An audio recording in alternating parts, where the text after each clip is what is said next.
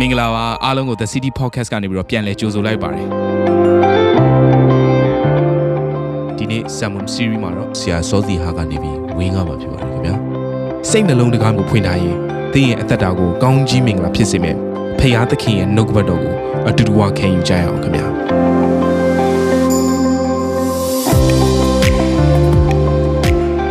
နှုတ်ကပတ်တော်က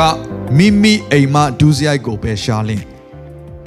ဆိုတော့ဒါက ဒီနှုတ်ကပတ်တော်ဒီအာမနေ့ကလည်းကျွန်တော်ဝင်ခါတဲ့ခါမှာဇလန်းလေးတော်တော်များများကိုကျွန်တော်ပြောဖြစ်ပါတယ်ကျွန်တော်ရဲ့ဆိုင်တဲ့အကြောင်းအရာတချို့ကိုသက်သေခံဖြစ်တယ်ပြီးတော့ကျွန်တော်ကြုံတွေ့ခဲ့ရတဲ့သွာလာခဲ့ရတဲ့အရာလေးမြင်ခဲ့ရတဲ့အရာလေးပေါ်မူတည်ပြီးတော့ဖခင်ကဘယ်လိုကောင်းကြီးပေးနိုင်တယ်ဖခင်လဲဆိုတဲ့အရာကိုကျွန်တော်တို့နှုတ်ကပတ်တော်အဖြစ်ပြောခဲ့တယ်ဆိုတော့ဒီနှုတ်ကပတ်တော်ဒီပြီးခဲ့တဲ့တစ်ပတ်က Sunday ကကျွန်တော်ဝင်ခါခဲ့တဲ့နှုတ်ကပတ်တော်ရဲ့အဆက်လည်းဖြစ်တယ် ဒါဆိုပြီးခဲ့တဲ့ဘက်ကကျွန်တော်ဘာဝင်ငှခဲ့လဲဆိုရင် transformation ဆိုတဲ့အကြောင်းအရာကိုအဓိကထားပြီးဝင်ငှခဲ့တယ်။ဆိုတော့လုံးဝပြောင်းလဲခြင်းဘုရားသခင်ကကျွန်တော်တို့ကိုရွေးနှုတ်တဲ့ခါမှာနော်ဟိုဟောင်းထဲကနေပြောင်းနည်းနည်းလေးဖုံတုပ်ပြီးတော့ refurbish ဆိုတဲ့စကားလုံးရှိတယ်ပေါ့နော်အင်္ဂလိပ် refurbish ဆိုတာကအဟောင်းကိုပြန်ပြီးတော့ moment ပြင်ဆင်ပြီးတော့အသစ်ပုံစံမျိုးပြန်ရောင်းတဲ့အရာမျိုးကို refurbish လုပ်ထားတယ်လို့ခေါ်တယ်ပစ္စည်းတစ်ခုကို refurbish မဟုတ် brand new လုံးဝ brand new model အသစ် တစ်ခါမှမထုတ်ခဲ့ဘူးတဲ့เนาะဒီကုမ္ပဏီကတစ်ခါမှမထုတ်ခဲ့ဘူးတဲ့ကားပုံစံမျိုးပေါ့အခုမှစရောင်းတာဒီလိုပုံစံမျိုးယေရှုကိုယပြီးသွားတဲ့အခါမှာအားလုံးအသစ်ဖြစ်စေတယ်ဒါပေမဲ့အဲ့ဒီဝိညာဉ်အသစ်ဖြစ်ဝိညာဉ်ကိုအဖေကအသစ်ဖြစ်စေပေမဲ့ကျွန်တော်တို့ရဲ့ကိုယ်ခန္ဓာစိတ်ဒီစိတ်ကတော့အရင်တော့အကျင့်ပါခဲ့တဲ့အရာလေးတွေဆွဲလန်းခဲ့တဲ့အရာလေးတွေမှာမဖြတ်မတောက်နိုင်မရှိခဲ့တယ်အဲ့တော့ဖခင်က transformation ကိုသွားခြင်းတဲ့အခါမှာနော်ဘာကိုပြောလဲဆိုတော့ယောမခန်းကြီး7မှာနှစ်မှာအငယ်နှစ်မှာစိတ်နှလုံးကိုအသစ်ပြင်ဆင်၍ပုံတရံပြောင်းလဲခြင်းတို့ရောက်ကြလော့ ဆိုတော့ပုံတံပြောင်းလဲခြင်းဘယ်ကရောက်လဲဆိုစိတ်နှလုံးကိုအသစ်ပြင်မှာစိတ်နှလုံးလို့ပြောတဲ့အခါမှာကျွန်တော်တို့အတွေးခေါ်ကိုပြောနေတာဖြစ်တယ်ခံစားချက်တွေကိုပြောတာဖြစ်တယ်အဲ့ဒီအတွေးခေါ်နဲ့ခံစားချက်တွေဟာဘာကိုလုပ်လဲဆိုဆုံးဖြတ်ချက်ကိုဖြစ်စေတယ်ဆုံးဖြတ်ချက်ကဘာလုပ်လဲဆိုရင် action ကိုဖြစ်စေတယ် action ကနေပြီးတော့ဘာထွက်လာဆိုရလက်ဆိုရယ် fruit အသက်တာထဲမှာရလက်တွေထွက်လာတယ်နော်မိမိသားစုကနေဒီသားသမီး ဒီအလောက်ကနေပြီးတော့ဒီလိုပုံစံဒီလူရဲ့ပြောဆိုတဲ့စကားဒါတွေအားလုံးကရလက်တွေဖြစ်တယ်ဆိုတော့အသီးတွေပေါ့ fruit of life ဆိုတော့အသက်တာထဲမှာဒီလိုမျိုးအသီးတွေသီးလာတဲ့ခါကျတော့အဲ့ဒီအသီးတွေဟာဖျားဘုံကိုထင်ရှားတဲ့အသက်တာဟုတ်လားမဟုတ်လားဆိုတော့ကိုယ့်ရဲ့အသက်ရှင်မှုကပေါ်ပြနေတယ်ဘယ်ကလာတယ်စိတ်နှလုံးကလာတာဒါကြောင့်မလို့သင်စိတ်နှလုံးဒီကောင်းစားတဲ့ကဲ့သို့သင်ဒီအရာရာ၌ကောင်းစားခြင်းနဲ့ကျမ်းမာခြင်းရှိမိကြောင်း ငါဆုတောင်းဤဆိုရယ်နှုတ်ကပတ်တော်အရာရာ၌ကောင်းစားခြင်းကျမ်းမာခြင်းဘဲကလာလဲစိတ်နှလုံးကောင်းစားခြင်းကလာတာဖြစ်တယ်ဒါကြောင့်ဖခင်ကအဲ့စိတ်နှလုံးကိုအသစ်ဖြစ်စေခြင်းတယ်ဒါကြောင့်မို့ renew your mind ဆိုတော့ကျွန်တော်တို့ကိုခိုင်းတာဆိုတော့အာ psychologist တွေကဘာပြောလဲဆိုတော့သူတို့ရဲ့ research အရလူတွေရဲ့86% self talk self talk ဆိုတာကမိမိကိုယ်ကိုပြန်ပြီး remind လုပ်တဲ့အရာမိမိကိုယ်ကိုထင်နေတဲ့အရာဒါပေမဲ့အဲ့လိုမျိုးကိုယ့်ကိုယ်ကိုခံယူနေတဲ့အရာကိုတဲ့မိမိရဲ့အတွင်းစိတ်ပင်လင်သတိမထားမိဘူးတဲ့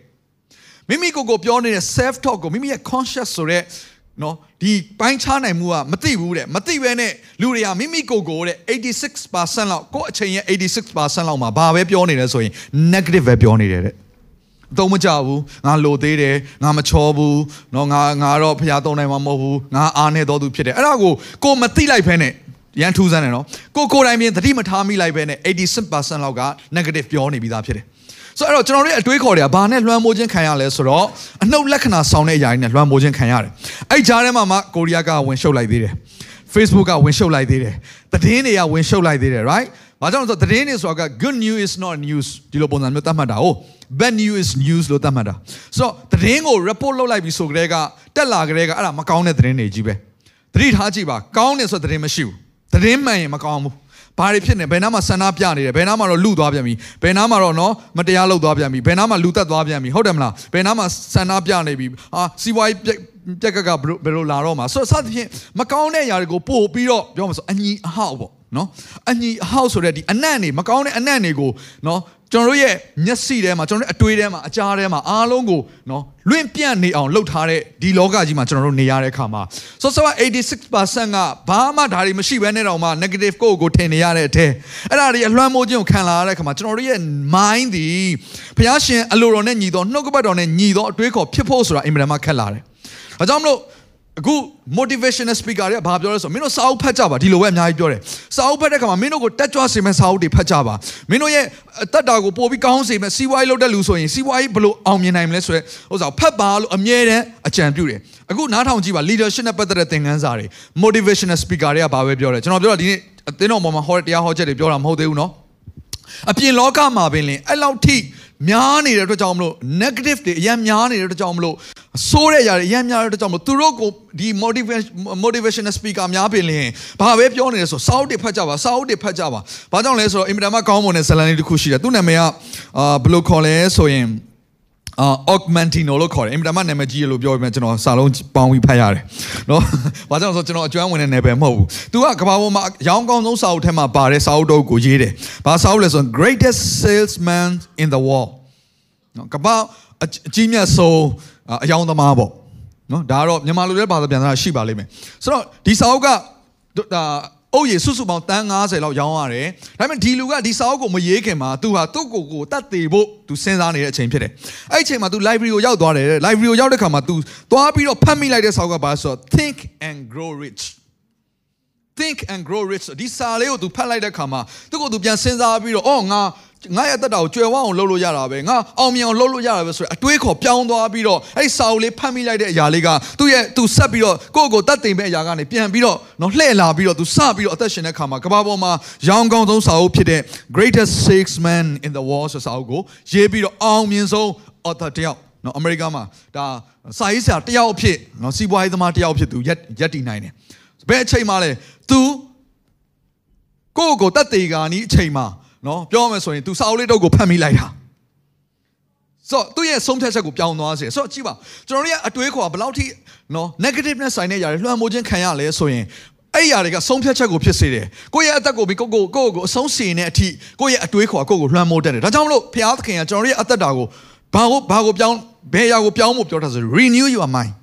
မင်းအတွေးကိုပြောင်းမှမင်းအသက်တာပြောင်းသွားလိမ့်မယ်မင်းအသက်ရှင်မှုပြောင်းသွားလိမ့်မယ်မင်းပြောတဲ့ပုံစံပြောင်းသွားလိမ့်မယ်မင်းမြင်တဲ့အမြင်တွေအားလုံးပြောင်းသွားလိမ့်မယ် အကယ်၍သာကျွန်တော်တို့ရဲ့အသက်တာထဲမှာစောစောပြောသူကိုကိုအင်အားဖြစ်စေမဲ့စာအုပ်တွေဖတ်ယုံနေမကဘဲနဲ့ဒါတွေမဖတ်နဲ့လို့ပြောတာမဟုတ်ဖတ်ပါဒါပေမဲ့အဲ့ဒါထက်ပိုပြီးအရေးကြီးတဲ့ဖျားအလိုတော်ပါလေ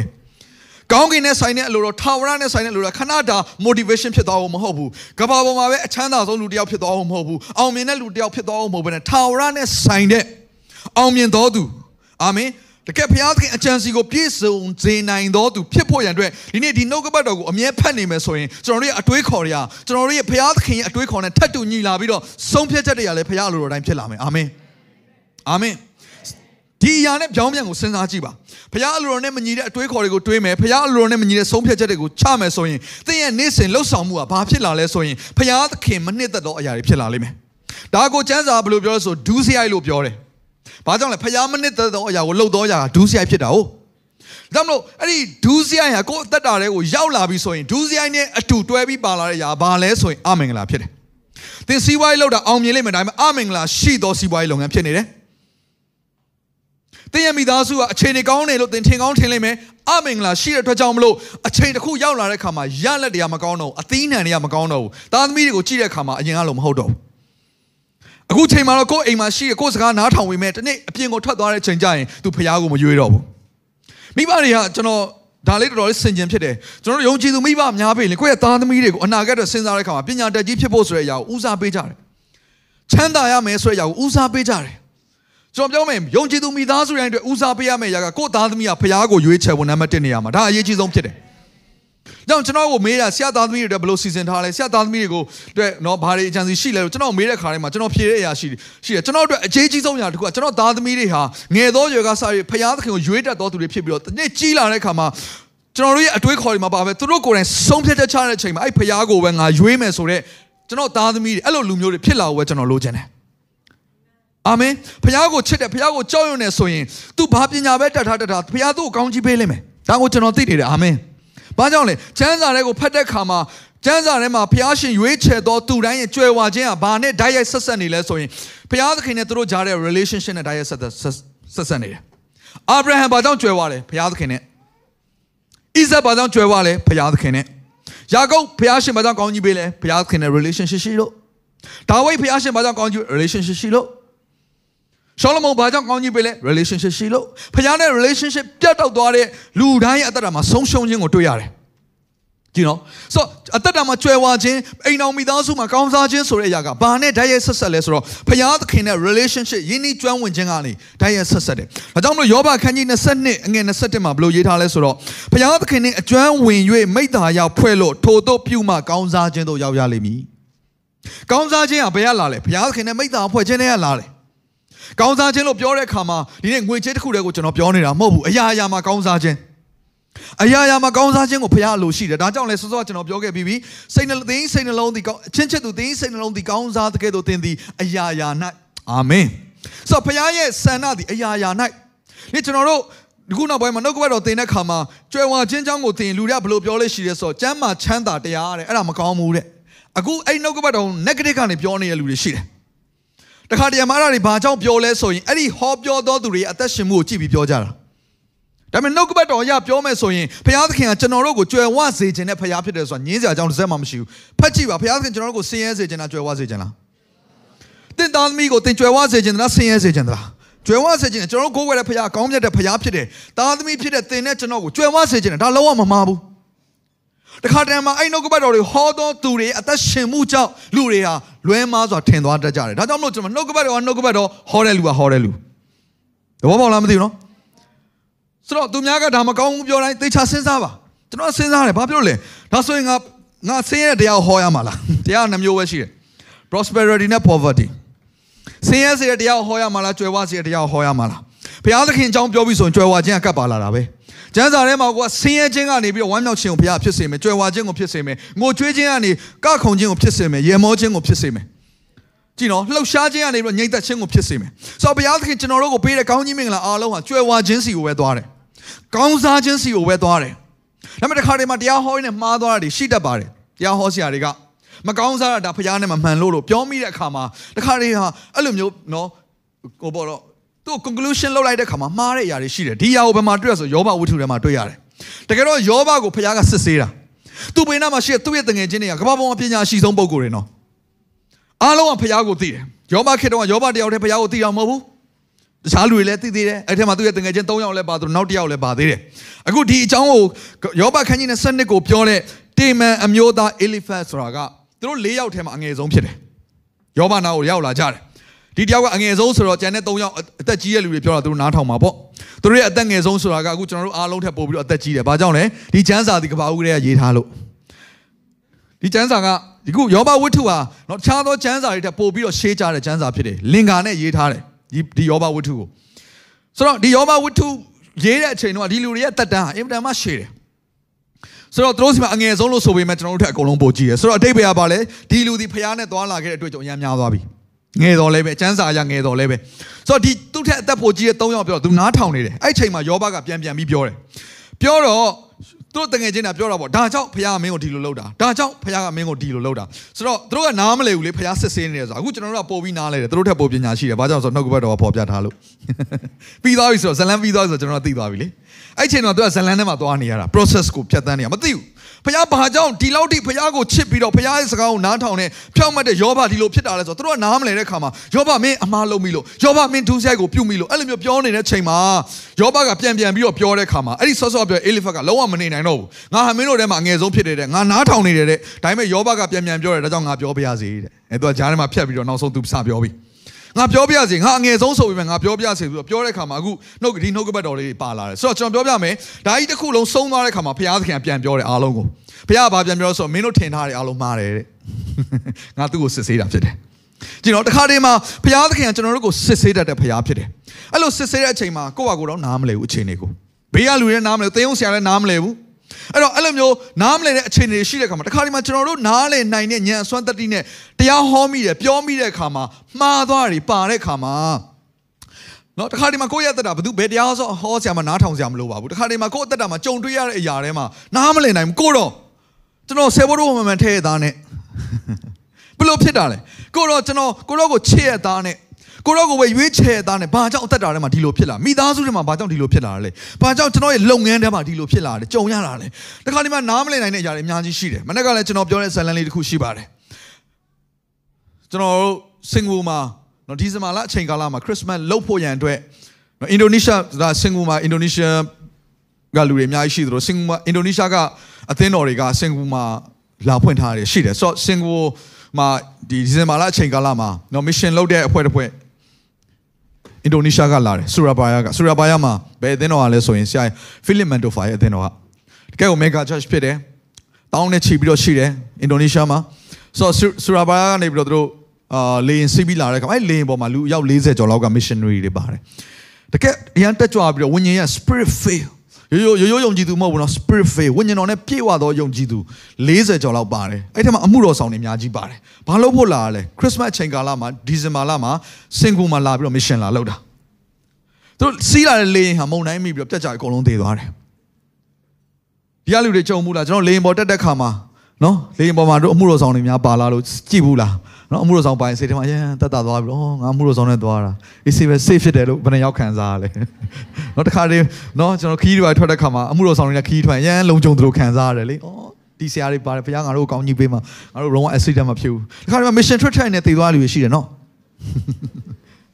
right ဘုရားလို့လုံရင်းနဲ့လေ right ကားစိတ်နဲ့ကားမောက်ပြီးတည်သွားလူတွေရှိတယ်ဇလန်းတွေအများကြီးပဲကျွန်တော်တို့ကဒါတွေကြားနေရတာ哦ဆိုတော့ တခါဒီမှာနားမလည်နိုင်ဘူးဖះကိုချစ်ပြီးတော့ဖះသခင်နှစ်သက်တဲ့အလုပ်ကိုလုပ်ဖို့စိတ်ကောညံကောငွေကြေးရောအချိန်နာရောပေးပြီးအသက်ရှင်တဲ့လူတွေကိုဖះသခင်ဘာကြောင့်စောစောစီးစီး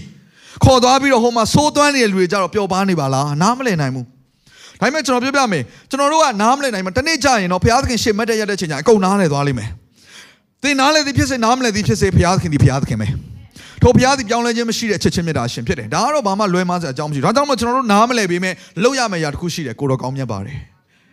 ဖះကိုဂုံပြုတ်နေဖို့ပဲဒါကြောင့်မို့တင်းရဲ့အသက်တာထဲမှာနားမလည်နိုင်တဲ့အရာတွေရောက်လာရင်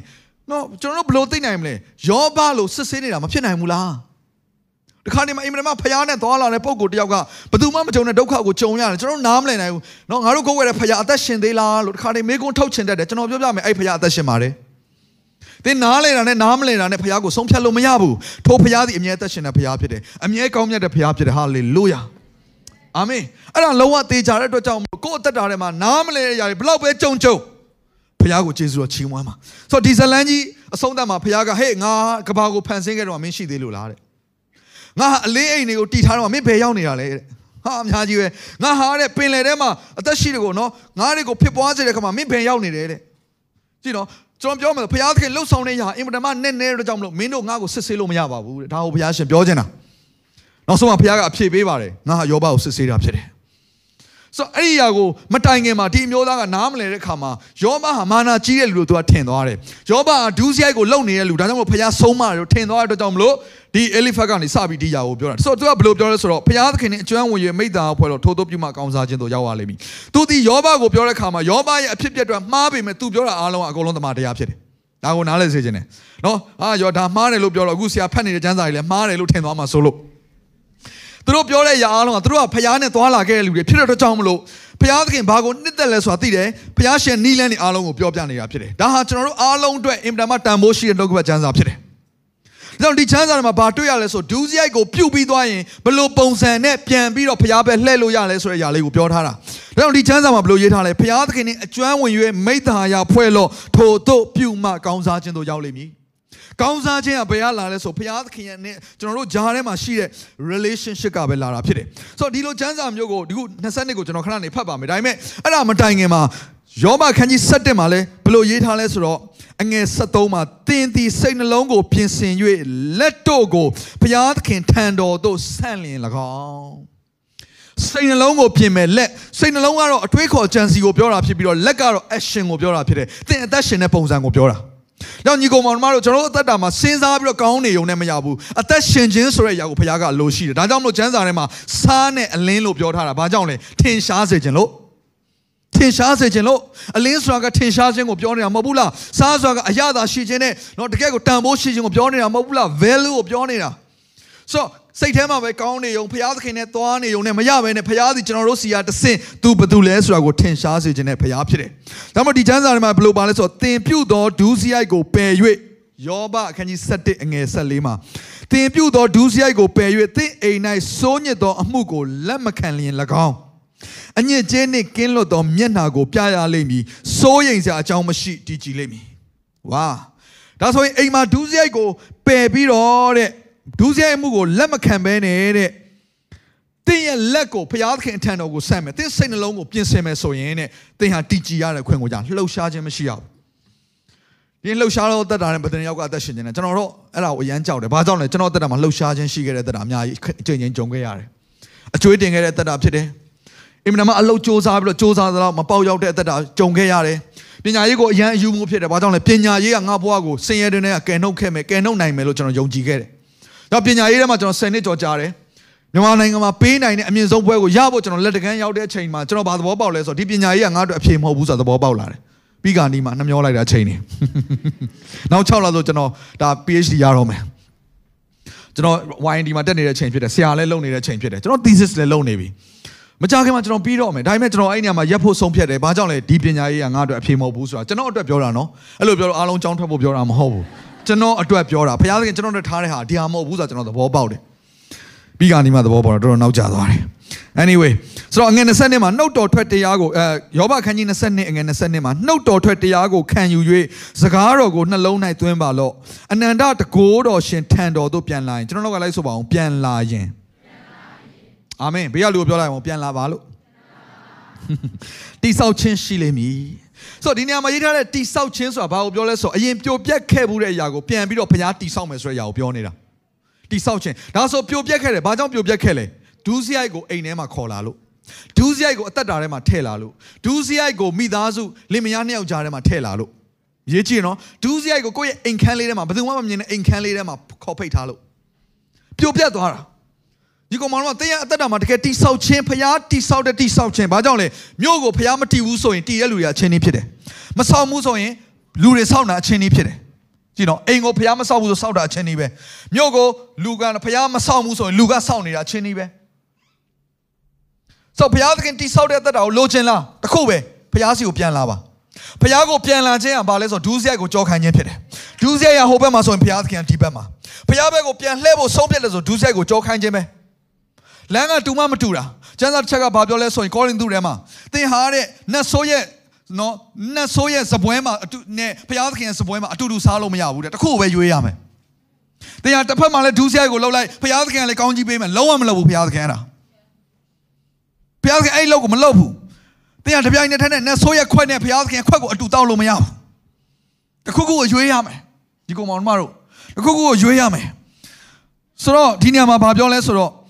အနန္တတကိုးတော်ရှင်ထံတော်သို့ပြန်လာလင်ဒါအရေးကြီးတယ်ပြန်လာတယ်ဆိုတာဘာကိုပြောရလဲတစ်ချိန်တော့ကသူကဒူးစရိုက်ထဲမှာကျင်လည်ခဲ့တဲ့လူဖြစ်တာဒီနေ့ဒီမှာရှိတဲ့လူတွေအားလုံးယုံကြည်သူတော့ဖြစ်လာပြီဒါပေမဲ့ဒူးစရိုက်ဆိုတဲ့အမှုရာကိုကိုယ့်ရဲ့မိသားစုအိမ်ထဲမှာကိုယ့်ရဲ့အိတ်ခမ်းထဲမှာကိုယ့်ရဲ့အလုပ်စပွဲမှာကိုယ့်ရဲ့စီးပွားရေးထဲမှာ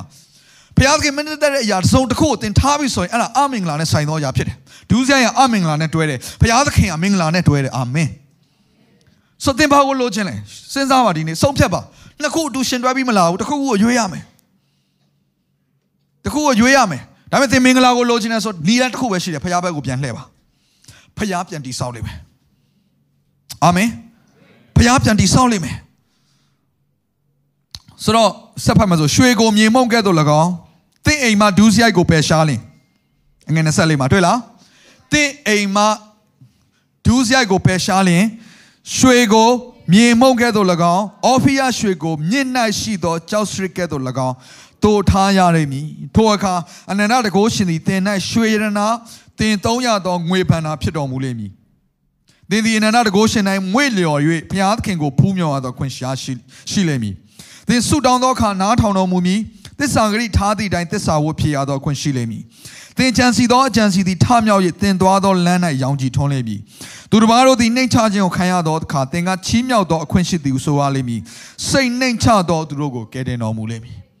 ယောဘခန်းကြီး7မှာလည်းဒါလေးကိုရေးထားပါတယ်ခံပြီးသောဒုက္ခဆင်းရဲကိုမေ့လျော်လိမ့်မည်ဝါအဲ့ဒါတကယ်ပဲကျွန်တော်ရဲ့တက်တာတွေမလှုပ်ရှားခြင်းနဲ့သွားခဲ့တဲ့အရာတွေအခုဆိုရင်ပြန်ပြီးသတိမှန်တယ်အဲ့ဒါတွေအားလုံးတွေကဖခင်ကယ်နှုတ်ခဲ့တယ်သိတယ်ကိုဘာတွေအမှားလုပ်ခဲ့တယ်ဆိုတာသိတယ်အဲ့ထက်က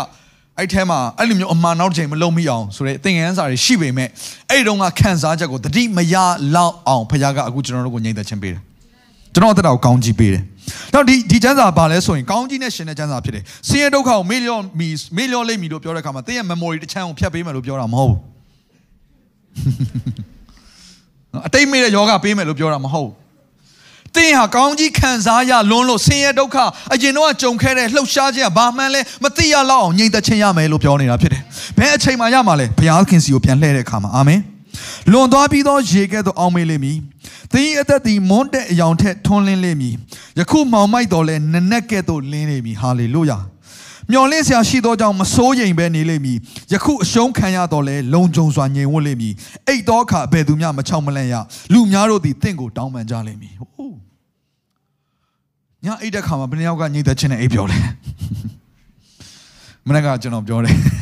ဘုရားသခင်ကျွန်တော်เนาะကျွန်တော်တို့ကိုကောင်းကြီးပေးနိုင်တဲ့ဘုရားဖြစ်တယ်ဆိုတော့ကျွန်တော်သူဖြင့်เนาะအိမ်မက်ဒီကလူတွေအိမ်မက်တွေเนาะမကောင်းတဲ့အိမ်မက်တွေမက်ဖူးလားမသိဘူးเนาะ ပိုက်အရန်ဆိုင်ရင်ဒါအိမ်မက်ထဲမှာအတကုံစားပြီးမှနိုးလာတွေပါရှိရတယ်ရေရေငတ်တဲ့အိမ်မက်တို့ပါတော့အိမ်မက်တွေအဆုံးပါပဲเนาะအဲ့ဒီမှာဘုရားသခင်စကားပြောတဲ့ထူးခြားခြားအိမ်မက်တွေရှိတယ်ဘုရားသခင်ဒံယေလကိုစကားပြောသလိုဘုရားရှင်ကယာကုပ်ကိုအိမ်မက်ပေးသလိုဘုရားရှင်ကနော်ဒါဝိဒ်နဲ့တိုင်ပင်နှွှဲတော်ခြင်းရှိသလိုဘုရားရှင်ကရှောလရှောလမုန်မင်းကြီးကိုအိမ်မက်အားဖြင့်စကားပြောသလိုစသဖြင့်နော်စကားပြောတဲ့အရာတွေအများကြီးရှိတယ်ကျွန်တော်မနေ့ကျမ်းစာကျွန်တော်ကျမ်းစာဖတ်တဲ့အခါမှာအိမ်မက်နဲ့ပတ်သက်တဲ့အရာတွေအများကြီးကိုကျွန်တော်အများကြီးဖတ်ဖတ်မိတယ်ပေါ့နော်ဆိုတော့ ဘုရားသခင်ကအိမ်မက်အားဖြင့်စကားပြောနိုင်တဲ့ဘုရားဖြစ်တယ်ဆိုတာကိုကျွန်တော်ကငယ်လေးတည်းသိခဲ့တာ။ဒါပေမဲ့အိမ်မက်မှာမတ်တာကြာပြီ။နော်အခုတော့အိမ်မက်တဲ့အိမ်မက်တွေကတား၃ယောက်ကိုကြောင်းပို့တဲ့အိမ်မက်တို့နော်။ကြောင်းသားကြွားတာတို့တိုင်ပါလဲတဲ့အိမ်မက်တို့ရေချိုးပေးတဲ့အိမ်မက်တို့နော်။ခလေးထိန်တဲ့အိမ်မက်တွေပဲမှတ်နေတာဟုတ်။ဆိုတော့ဘုရားသခင်ပေးတဲ့အိမ်မက်ကနော်ဟိုအခုနောက်ပိုင်းပေါ့နော်ပြောဆိုရင်အခုလိုမျိုး အရင်တော့ဆိုရင်ခဏခဏခဏခဏဘုရားအိမ်မက်အပြင်စကားပြောတာမျိုးရှိတယ်နည်းနည်းလေးပါလာတာပေါ့ဆိုတော့ကျွန်တော်ဘုရားသခင်ဘုရားသခင်ကျွန်တော်စကားပြောစကားပြောပါဆိုတဲ့အခါမှာပြန်ပြီးတော့ဘုရားသခင်အိမ်မက်အပြင်နှိုးဆော်တဲ့ຢာတွေအများကြီးရှိတယ်ဆိုတော့ of course ချာနီလန်နေအပြင်ဘုရားစကားပြောပါတယ်ဒါပေမဲ့အိမ်မက်အပြင်စကားပြောຢာတစ်ခုရှိတယ်ဆိုတော့အခုပြီးခဲ့တဲ့တစ်ပတ်လောက်မှာကျွန်တော်အိမ်မက်မက်တဲ့အရာကပြီးခဲ့တဲ့တစ်ပတ်မှာပဲမှတ်မရရအိမ်မက်မက်တဲ့အရာကဘာလဲဆိုတော့စီးပွားရေးနဲ့ဆိုင်တဲ့အိမ်မက် တော့တစ်ခါမှမမှတ်ဘူးအဲ့လိုအိမ်မက်မျိုးကျွန်တော်အိမ်မက်တွေအားလုံးကအကုန်လုံးကသူကပုံပုံပုံဆောင်တဲ့အိမ်မက်တွေပေါ့ပြန်ပြီးတော့ interpret လုပ်ရတာ interpret လုပ်ရတဲ့အိမ်မက်ပုံများတယ်နော်တွေ့တဲ့အခါမှာအကဲအာကောင်းကင်နဲ့ဆိုင်တဲ့အရာတွေလှုပ်ရှားတဲ့အရာတွေတွေ့ရတယ်အာလူတယောက်ဆင်းလာလဲသမားတယောက်ဆင်းလာတယ်တခါတည်းဝါဝါစိတ်အစိမ်းတွေအများကြီးထမ်းလာဒီလိုပုံစံမျိုးတွေပေါ့နော်ပြန်ပြီးတော့ interpret ပြန်ပြန်လုပ်ရတဲ့အိမ်မက်တွေဖြစ်တယ်ပေါ့နော်ဆိုတော့နည်းနည်းတော့ခေါင်းစားတာပေါ့ပြန်ပြီးတော့အိမ်မက်မက်ပြီးတာတခါတည်းဖះကိုဆူတောင်းအချိန်ယူလို့ဖះဘာကိုပြောချင်တယ်ဘာကိုပြောချင်တာဒီအိမ်မက်မမေ့ခင်မှာအဲ့လိုဆူတောင်းရတယ်ဒါပေမဲ့အာ အခုဒီအိမ်မက်ကတော့အခုကျွန်တော်ပြီးခဲ့တဲ့ဘက်ကမက်တဲ့အိမ်မက်ကတော့တကယ်ကိုဓာတ်ရိုက်ဖះစကားပြောတဲ့လုံးဝဘာမှ interpret လုပ်စရာမလိုစီးပွားရေးနဲ့ဆိုင်တဲ့အိမ်မက်ဖြစ်တယ်တခါမှမမှတ်ဘူးဆိုတော့ကျွန်တော်ရဲ့မိတ်ဆွေရင်တော့မိတ်ဆွေတယောက်သူကတန်းကြွယ်တဲ့တယောက်ဖြစ်တယ်အဲဒီတယောက်ကသူကနော်ဟို advisor ပေါ့အခုမြန်မာပြည်မှာလည်းသူကလာပါတယ်လာပြီးတော့သူကအခုအခုစီးပွားရေးလုပ်ငန်းတွေအများကြီးရှိတယ်ကျွန်တော်တို့ Eminent နာမည်ကြီးရွှေတောင်တို့ဗာသိမလား အခုထိတ်ဆုံးစီးပွားရေးလုပ်ငန်း corporation မှာသူက advisor တယောက်ဖြစ်တယ်သူကလာတယ်အကြံပေးတယ်ပြီးတော့ပတ်စံယူပြီးတော့သူကအေးဆေးပဲနော်တစ်နှစ်ကိုဘယ်လောက်ဆိုပြီးတော့ဒီလိုမျိုးသူကစာချုပ်နဲ့သွားတာကိုအဲ့လိုပဲသူကနိုင်ငံတကာမှာရှိတဲ့ဒီလိုမျိုး company လုပ်ငန်းကြီးတွေမှာ advisor တယောက်အနေနဲ့အလုပ်လုပ်တယ် board မှာထိုင်ပေးတယ်အဲ့ဒီတော့ထိုင်ကသူအကြံပေးကပတ်စံယူရတာပဲဆိုတော့စီးပွားရေးမှာကျွမ်းကျင်တဲ့လူတယောက်ဖြစ်တယ်ဆိုတော့သူနဲ့ကျွန်တော်အာတော်တော်လေးရင်းနှီးခဲ့ဘူးတယ်ပေါ့နော်သူနဲ့သူအမှုဆောင်လုပ်ငန်းနဲ့အတူလုပ်ခဲ့ဘူးတယ်ဆိုတော့သူကကျွန်တော်လုံးဝအဆက်အသွယ်မရတာကြာပြီသူကျွန်တော်လုံးဝမစင်စားနှစ်နဲ့ချီကြပြီ ဘာကြောင့်လဲစင်ကူတဲ့စင်ကူစင်ကူကပြန်မလာခင်ကတည်းကအဲ့လောက်ကြီးအဆက်အသွယ်မရှိတော့တဲ့လူပေါ့နော်။ဒါပေမဲ့အိမ်မက်ထဲမှာအဲ့လူကပေါ်လာပြီးတော့ကျွန်တော်စကားပြောတယ်။ငါတဲ့ Newton မှာ Newton ဆိုတာမှာစင်ကူကလာတဲ့လူတွေသိတယ်မှာနော်။ Newton ဆိုတာကတကယ်ကိုစင်ကူမှာအချက်ချကြတဲ့နေရာတစ်ခုဖြစ်တယ်။ငါ Newton မှာတဲ့ sign တစ်ခုဖွင့်မယ်တဲ့။အဲ့ sign မှာတဲ့မင်း invest လုပ်မလားတဲ့ဒီပမာဏတဲ့။တစ်ခါလေးပမာဏပါပြောတယ်။စီးပွားရေးလုပ်ငန်းမှာကျွန်တော်ပြောပြတယ်။ Newton မှာအဲ့စကလုံးဟာအရင်ရှင်းတယ်။အဲ့အဲ့ချိန်မှာတော့စကားဇုံတယောက်ကပြောတဲ့စကားသံကိုကြားတယ်။နော်ကျွန်တော်ရဲ့ mentor တယောက်ရှိတယ်သူ့နာမည်က Pastor Daniel Chua လို့ခေါ်တယ် The City Singapore တင်းတော်ရဲ့အရင်တော့တင်းအောင်ဆရာပေါ့နော် senior pastor ပေါ့အခုတော့ကျွန်တော်တစ်ခေါက်ပြောဘူးလားမသိ billionaire တယောက်ရဲ့တင်းအောင်လုပ်ပေးနေတယ်သူကအခုနော်စီးပွားရေးလုပ်ငန်းရှင်တယောက်ကို personally pastoring pastoral care mentor လုပ်ပေးနေတယ်ဆိုတော့သူကကျွန်တော်ရဲ့ mentor တယောက်လည်းဖြစ်တော့ကျွန်တော် तू ကသူသူ့ရဲ့အတန်နော်သူဟို ဘာတော့သူ့ရဲ့သူ့ရဲ့နာမည်ကိုစပြီးတော့အဲ့ဆော့ဆော့ကြားတဲ့အတန်ထဲမှာပါလာတယ်။ပါစတာဒန်နီယယ်နဲ့စကားပြောပါတယ်။ तू ကမင်းကိုအကြံပေးလိမ့်မယ်။မင်းရဲ့ငွေကြေးတွေမဆုံးရှုံးအောင်သူ့စီကတစ်စင် invest လုပ်ပါ။ तू ကစိတ်ချရတယ်လူဖြစ်တယ်။အဲ့စကားလာ။ဆိုတော့ကျွန်တော်အဲ့အိမ်မက်ထဲမှာပေါ့နော်။ဒါဘယ်ကအတန်လဲဆိုတော့ကျွန်တော်အာလူတယောက်ပြောတဲ့အတန်တော့မဟုတ်ဘူးတနေရာကလာတယ်ဆိုတော့ကျွန်တော်သိတယ်ဒါနဲ့အဲ့ချိန်မှာအဲ့ပါစတာဒန်နီယယ်ချွာရဲ့အမျိုးသမီးပေါ့ပါစတာဂျွိုင်းဆိုတော့သိမှာပေါ့နော်ပါစတာဂျွိုင်းရဲ့အတန်ထွက်လာတယ်ဆိုတော့ပါစတာဂျွိုင်းက သူကဘာပြောလဲဆိုတော့အေးဒန်နီယယ်သူတယောက်ကြတယ်ဒန်နီယယ်စီရတဲ့နော်အာဟိုတဆင့်နဲ့သူစီယာစီ invest လုပ်တယ်နော်သူနဲ့တိုင်ပင်လိုက်တယ်အဲ့ဆိုရင်မင်းရဲ့ငွေကြေးတွေအားလုံးတိုးပွားလိမ့်မယ်တဲ့ပြီးရင်သူနောက်ပါဆိုဆော့ဆော့ကျွန်တော်ကိုလာပြီးတော့စကားပြောတယ် Newton မှာ invest လုပ်မလားဆိုတဲ့လူအဲ့လူရဲ့နာမည်ကိုပြောသူကလည်းစိတ်ချရတဲ့တယောက်ဖြစ်တယ်မင်းရဲ့ငွေကြေးတွေသူနဲ့သူနဲ့ invest လုပ်မယ်ဆိုရင်နော်မင်းရဲ့ငွေကြေးတွေဘယ်တော့မှမဆုံးရှုံးဘူးတဲ့ဆိုတော့ကျွန်တော်ကိုအဲ့ဒီငွေကြေးပမာဏပြောတဲ့အဲ့အိမ်မန်ထဲမှာပြောတဲ့ပမာဏကျွန်တော်မှလက်ရှိကျွန်တော်ရှိနေတဲ့ပမာဏဖြစ်တယ်အတိအကျဆိုတော့ဟာကျွန်တော်ကပြီးတော့အဲ့ဒါရဆိုတော့ ကျွန်တော်တခါမှမမှတ်ဘူးလေအဲ့လိုအဲ့လောက်ထိတိကျတဲ့နော်စီးပွားရေးနဲ့လုပ်ငန်းနဲ့ပတ်သက်တဲ့ဥစ္စာဆိုတော့ငါတင်းအောင်ဆရာဖြစ်တယ်ငါ့ကိုစီးပွားရေးလုပ်ခိုင်းနေတာလားဗောဘုရားသခင်ကစပြီးစဉ်းစားတယ်ဆိုတော့ကျွန်တော်ပြန်ပြီးတော့အရင်တော့ဘုရားသခင်ကျွန်တော်ကိုပြင်ဆင်တဲ့အရာတွေအခုကျွန်တော်အမေရိကကိုသွားခဲ့တဲ့အခါမှာကြုံခဲ့တွေ့ခဲ့တဲ့အရာတွေနော်ဩစတြေးလျခြားနိုင်ငံတည်တည်ကဟိုကျွန်တော်သွားတဲ့အရာတွေမလေးရှားစင်ကာပူစသဖြင့်အင်ဒိုနီးရှားကျွန်တော်သွားခဲ့တဲ့အရာတွေအားလုံးကိုကျွန်တော်ပြန်ပြီးတော့ဆင်ခြင်တဲ့အခါမှာနော်ဒီအရာကိုဘုရားရှင်ကအာဒါဘုရားရှင်တားဆီးတဲ့အရာတင်းအောင်ဆရာတယောက် အမှုတော်ဆောင်တွေစီးပွားရေးလုပ်တဲ့အရာတစ်ခုကိုဘုရားခင်တားဆီးတဲ့အရာမဟုတ်ဘူးလို့ကျွန်တော်နားလဲတယ်။စီးပွားရေးလို့ပြောတဲ့အခါမှာကိုယ်တိုင်စီးပွားရေးလုပ်တာမဟုတ်ဘဲ investment ကိုကျွန်တော်ပြောနေတာဖြစ်တယ်။ကျွန်တော်ကျွန်တော်အင်ဒိုနီးရှားကိုကျွန်တော်ရောက်တဲ့အခါမှာကျွန်တော်မနေ့ကပြောတာတော့မှားသွားတယ်။အင်ဒိုနီးရှားနိုင်ငံရဲ့90%ဟုတ်လားမသိဘူးကျွန်တော် Okay ဆောင်းကကျွန်တော်ရှာရတာ so 90%နော်90ရာခိုင်နှုန်းအင်ဒိုနီးရှားနိုင်ငံမှာရှိတဲ့သင်းအုပ်ဆရာအားလုံးရဲ့90ရာခိုင်နှုန်းဟာတဲ့စီးပွားရေးလုပ်ငန်းတွေရှိကြတာအင်ဒိုနီးရှားနိုင်ငံမှာ အဲ့ normal ပဲစီသင်းအောင်ဆရာတယောက်ဟာစီးပွားရေးလည်းရှိတယ်တစ်ဖက်မှာသင်းအောင်အသင်းတော်လည်းရှိတယ်သင်းအောင်ဆရာလုပ်နေဆိုတာအင်ဒိုနီးရှားနိုင်ငံတော့ဘာမှဘာပြဿနာမှမရှိဘူးဒါမြန်မာပြည်မှာပြဿနာရှိတယ်မြန်မာပြည်မှာမြန်မာပြည်မှာသင်းအောင်ဆရာတယောက်ကစီးပွားရေးအကြောင်းကိုစပြောရင်တော့မှဒါ best life ဖြစ်တယ်လို့နော်သတ်မှတ်တဲ့နိုင်ငံမျိုးလေသိရမလားစီးပွားရေးလုံးဝကင်းရှင်းရမယ်ဆိုတော့ကျွန်တော်အမေရိကကိုရောက်တဲ့ခါမှာလည်းအမေရိကမှာရှိတဲ့သင်းအောင်ဆရာအားလုံးက investment လုပ်တယ် ကျွန်တော်ပြော investment နော် investment ဆိုတော့သူတို့ကိုယ်တိုင်စီးပွားရေးလုပ်တာမဟုတ် stock တွေဝယ်ထားတယ်နော်ကုမ္ပဏီလုပ်ငန်းတွေထဲမှာသူတို့ထည့်ထားတယ်ငွေရသူကသူတိုးပွားနေတယ်သူကလည်းဘာမှစိတ်ပူစရာမလိုသူ့လုပ်ကိုသူလုပ်နေတယ်ဒါပေမဲ့သူ့မှာဝင်ငွေရှိတယ်လေမဟုတ်ဘူးလားဘုရားကောင်းကြီးပေးတဲ့ငွေရှိအဲ့ဒါကိုတိုးပွားအောင်သူပြန်ပြီးတော့လုပ်တယ်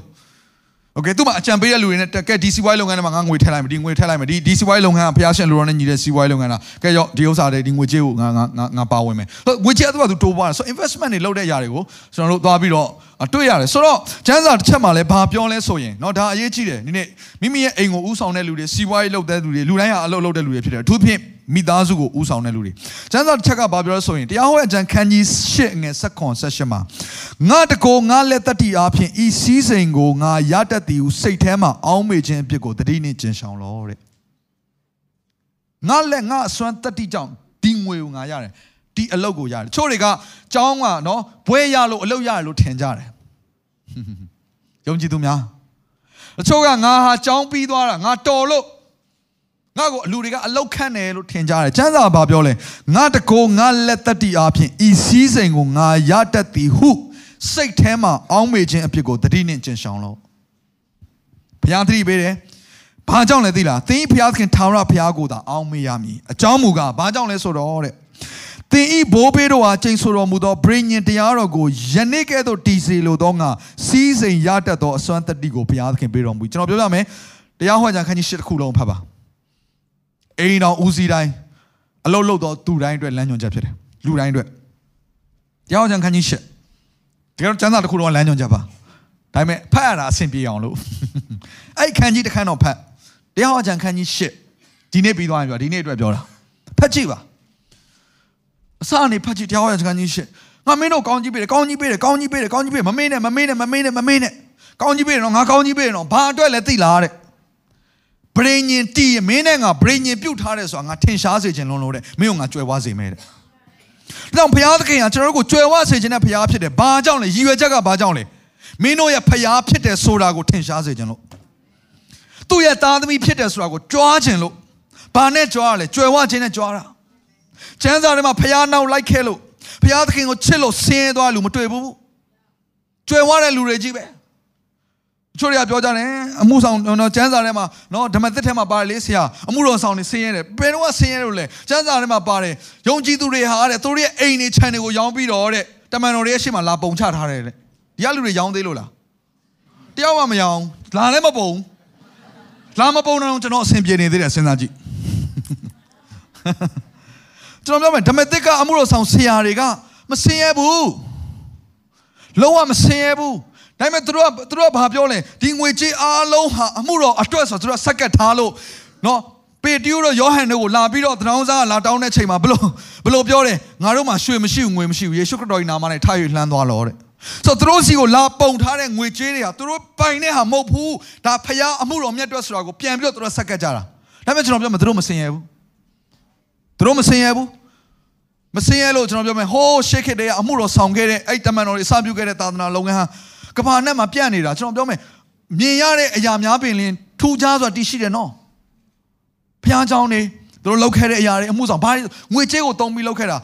နော်တကယ်ကိုနိုင်ငံတော်အစိုးရရာရှိတွေပြောင်းလဲရှင်ဘရင်တွေပြောင်းလဲတယ်ကြွယ်ဝချမ်းသာလူတွေပြောင်းလဲတယ်သူ တို့ရဲ့ငွေကြေးတွေကိုပါဝင်လာကြတယ်ကဘာနဲ့ကိုဘုရားရှင်နှုတ်ကပတ်တော်ကိုပြန့်နှံ့ဝင်ဘုရားကကြွယ်ဝသောသူတွေကိုသုံးတယ်ငွေကြေးကိုသုံးတယ် come on ဘုရားရှင်သာသနာလုပ်ငန်းဆင်းဆင်းရဲလောက်ရတဲ့သာသနာလုပ်ငန်းမဟုတ်ဘူးအာမင်အာမင်နောက်ဆုံးမှာရှောလမုန်မင်းကြီးကဗိမာန်တီထောင်တယ်။ဒါဝိမင်းကြီးကဒီဗိမာန်တီထောင်မှုရင်အကုန်လုံးလုပ်ခဲ့တယ်။ဘာလို့လုပ်ခဲ့တာလဲ။ကဘာပေါ်မှာတန်ဖိုးအကြီးမားဆုံးစဉ်းစားကြည့်ဗိမာန်တော်ကိုဘယ်သူတီဆောက်တာလဲ။ဒါဝိမင်းကြီးနဲ့ရှောလမုန်မင်းကြီးတို့လုပ်ကြတယ်။ဖျားရှင်သာသနာလုံးကမစင်ရဲပါဘူး။အာမင်။ ဒါကြောင့်ယုံကြည်သူတွေမှာကြွယ်ဝတော်သူတွေဖြစ်လာအောင်ဘုရားလိုရှိတယ်။ဘာကြောင့်ရည်ရွယ်ချက်ကပါလဲ။သင်တို့ရဲ့ငွေကြေးအပြင်ဘုရားသူ့နိုင်ငံတော်တည်ထောင်ခြင်းတာဒါပဲ။သင်တို့ရဲ့ဖျားဖြစ်တယ်ဆိုတာအဲ့ဖျားကောင်းကြီးပေးနိုင်တဲ့ဖျားဖြစ်တယ်အဲ့ဖျားကြွယ်ဝခြင်းကိုပေးနိုင်တဲ့ဖျားဖြစ်ဆိုနားလဲစေခြင်းတို့ come on အဲ့ဒါကိုဒီနေ့ကြွယ်ဝတဲ့တရားချမ်းသာတဲ့တရားမကောင်းဘူးလို့လုံးဝမပြောပါနဲ့အာမင်ကျွန်တော်အတွေးခေါ်တွေပြောင်းရအောင်ပြဿနာဒီအတွေးခေါ်ဒီအတွေးခေါ်တွေက negative နဲ့ပဲအမြဲတမ်းမြင်တယ် negative နဲ့လွှမ်းမိုးနေတဲ့ခါမှာဆုံးဖြတ်တာတွေမှားတယ်ပြောဆိုတာတွေမှားလာတယ်အသက်ရှင်မှုတွေမှားလာတယ်ဘုရားသခင်ဘုံမထင်ရှားတော့အာမင်ဒါမှ renew your mind ဒီလောကရဲ့ပုံသဏ္ဍာန်ကိုမဆောင်နဲ့ကျွန်တော်ပြောမယ်ငွေကြေးဟာပြဿနာမဟုတ်ဘူးနော်ငွေကြေးကိုတတ်မှတ်ခြင်းဟာပြဿနာငွေကြေးကိုပြဿနာဆိုရင်တင်းလက်ထဲကချင်းသေးလည်းပြဿနာပဲနောက်ဗိုလ်ချုပ်အောင်ဆန်းပုံလာရင်လည်းပြဿနာတက်နေအောင်ပါပဲ right in god we trust ကင်ထားလည်းပြဿနာတက်နေအောင်ပါပဲဘာကြောင့်လဲတတ်မှတ်နေတာဟုတ် ငွေကြေးကပြဿနာမဟုတ်ငွေကြေးကိုတတ်မှတ်ခြင်းကပြဿနာဖြစ်တယ်ကျွန်တော်တို့ဆွဲလန်းရမယ့်ရာဘုရားသခင်ဒါပေမဲ့အဲ့ဆွဲလန်းတဲ့ဘုရားသခင်ကျွန်တော်တို့ငွေကြေးပေးတယ်ဒါပေမဲ့ဘုရားကိုဆွဲလန်းနေတဲ့ကြောင့်မလို့အဲ့ဘုရားသခင်အလိုတော်တိုင်းငွေကြေးကိုစီမံနိုင်တယ်ခန့်ခွဲနိုင်တယ်လှူဒန်းနိုင်တယ် come on အာမင်ဒါမှဒီဒါကိုနားလေစေခြင်းနဲ့ဘုရားသခင်ကကြွယ်ဝခြင်းကိုဖြစ်စေခြင်းနဲ့ဘုရားဖြစ်တယ်ဒါကိုသဘောပေါက်စေခြင်းနဲ့ဒါပေမဲ့အဲ့ဒီဒီနေရာမှာရေးထားတဲ့နှုတ်တော်ထက်တရားစကားကိုခံယူနှလုံး စကားတော်ကိုနှလုံး၌သွင်းတော့နန္ဒတကိုးတော်ရှင်တို့ပြန်လာလင်တိဆောက်ရှင်းရှိလိမ့်မယ်အဲ့တော့ကြည့်နော်ဘုရားစီကိုပြန်လှည့်တဲ့အခါမှာမကောင်းကြီးမင်္ဂလာကစောင့်ကြိုနေတာဒါကြောင့်မလို့ဘုရားခင်ဘက်ကိုပြန်လှည့်ခြင်းနဲ့ကောင်းကြီးမင်္ဂလာဓာတ်ရိုက်ဆက်ဆက်နေတယ်သင်ကောင်းကြီးခံစားခြင်းသင်ကြွယ်ဝခြင်းလားကျွန်တော်ရိုးရိုးလေးပဲပြောဘုရားပဲပြန်လှည့်ဘုရားပဲပြန်လှည့်သင်ကြွယ်ဝကြွယ်ဝမယ်အဲ့တော့အခန်းတစ်ခန်းကိုဝင်လာတဲ့အခါမှာဒီအခန်းကြီးကမှောင်နေတယ်အဲ့ဒီအမှောင်ကိုဘယ်လိုပုံစံနဲ့ကျွန်တော်တို့နှင်ထုတ်နိုင်လဲ ပြောကြည့်ပါဦး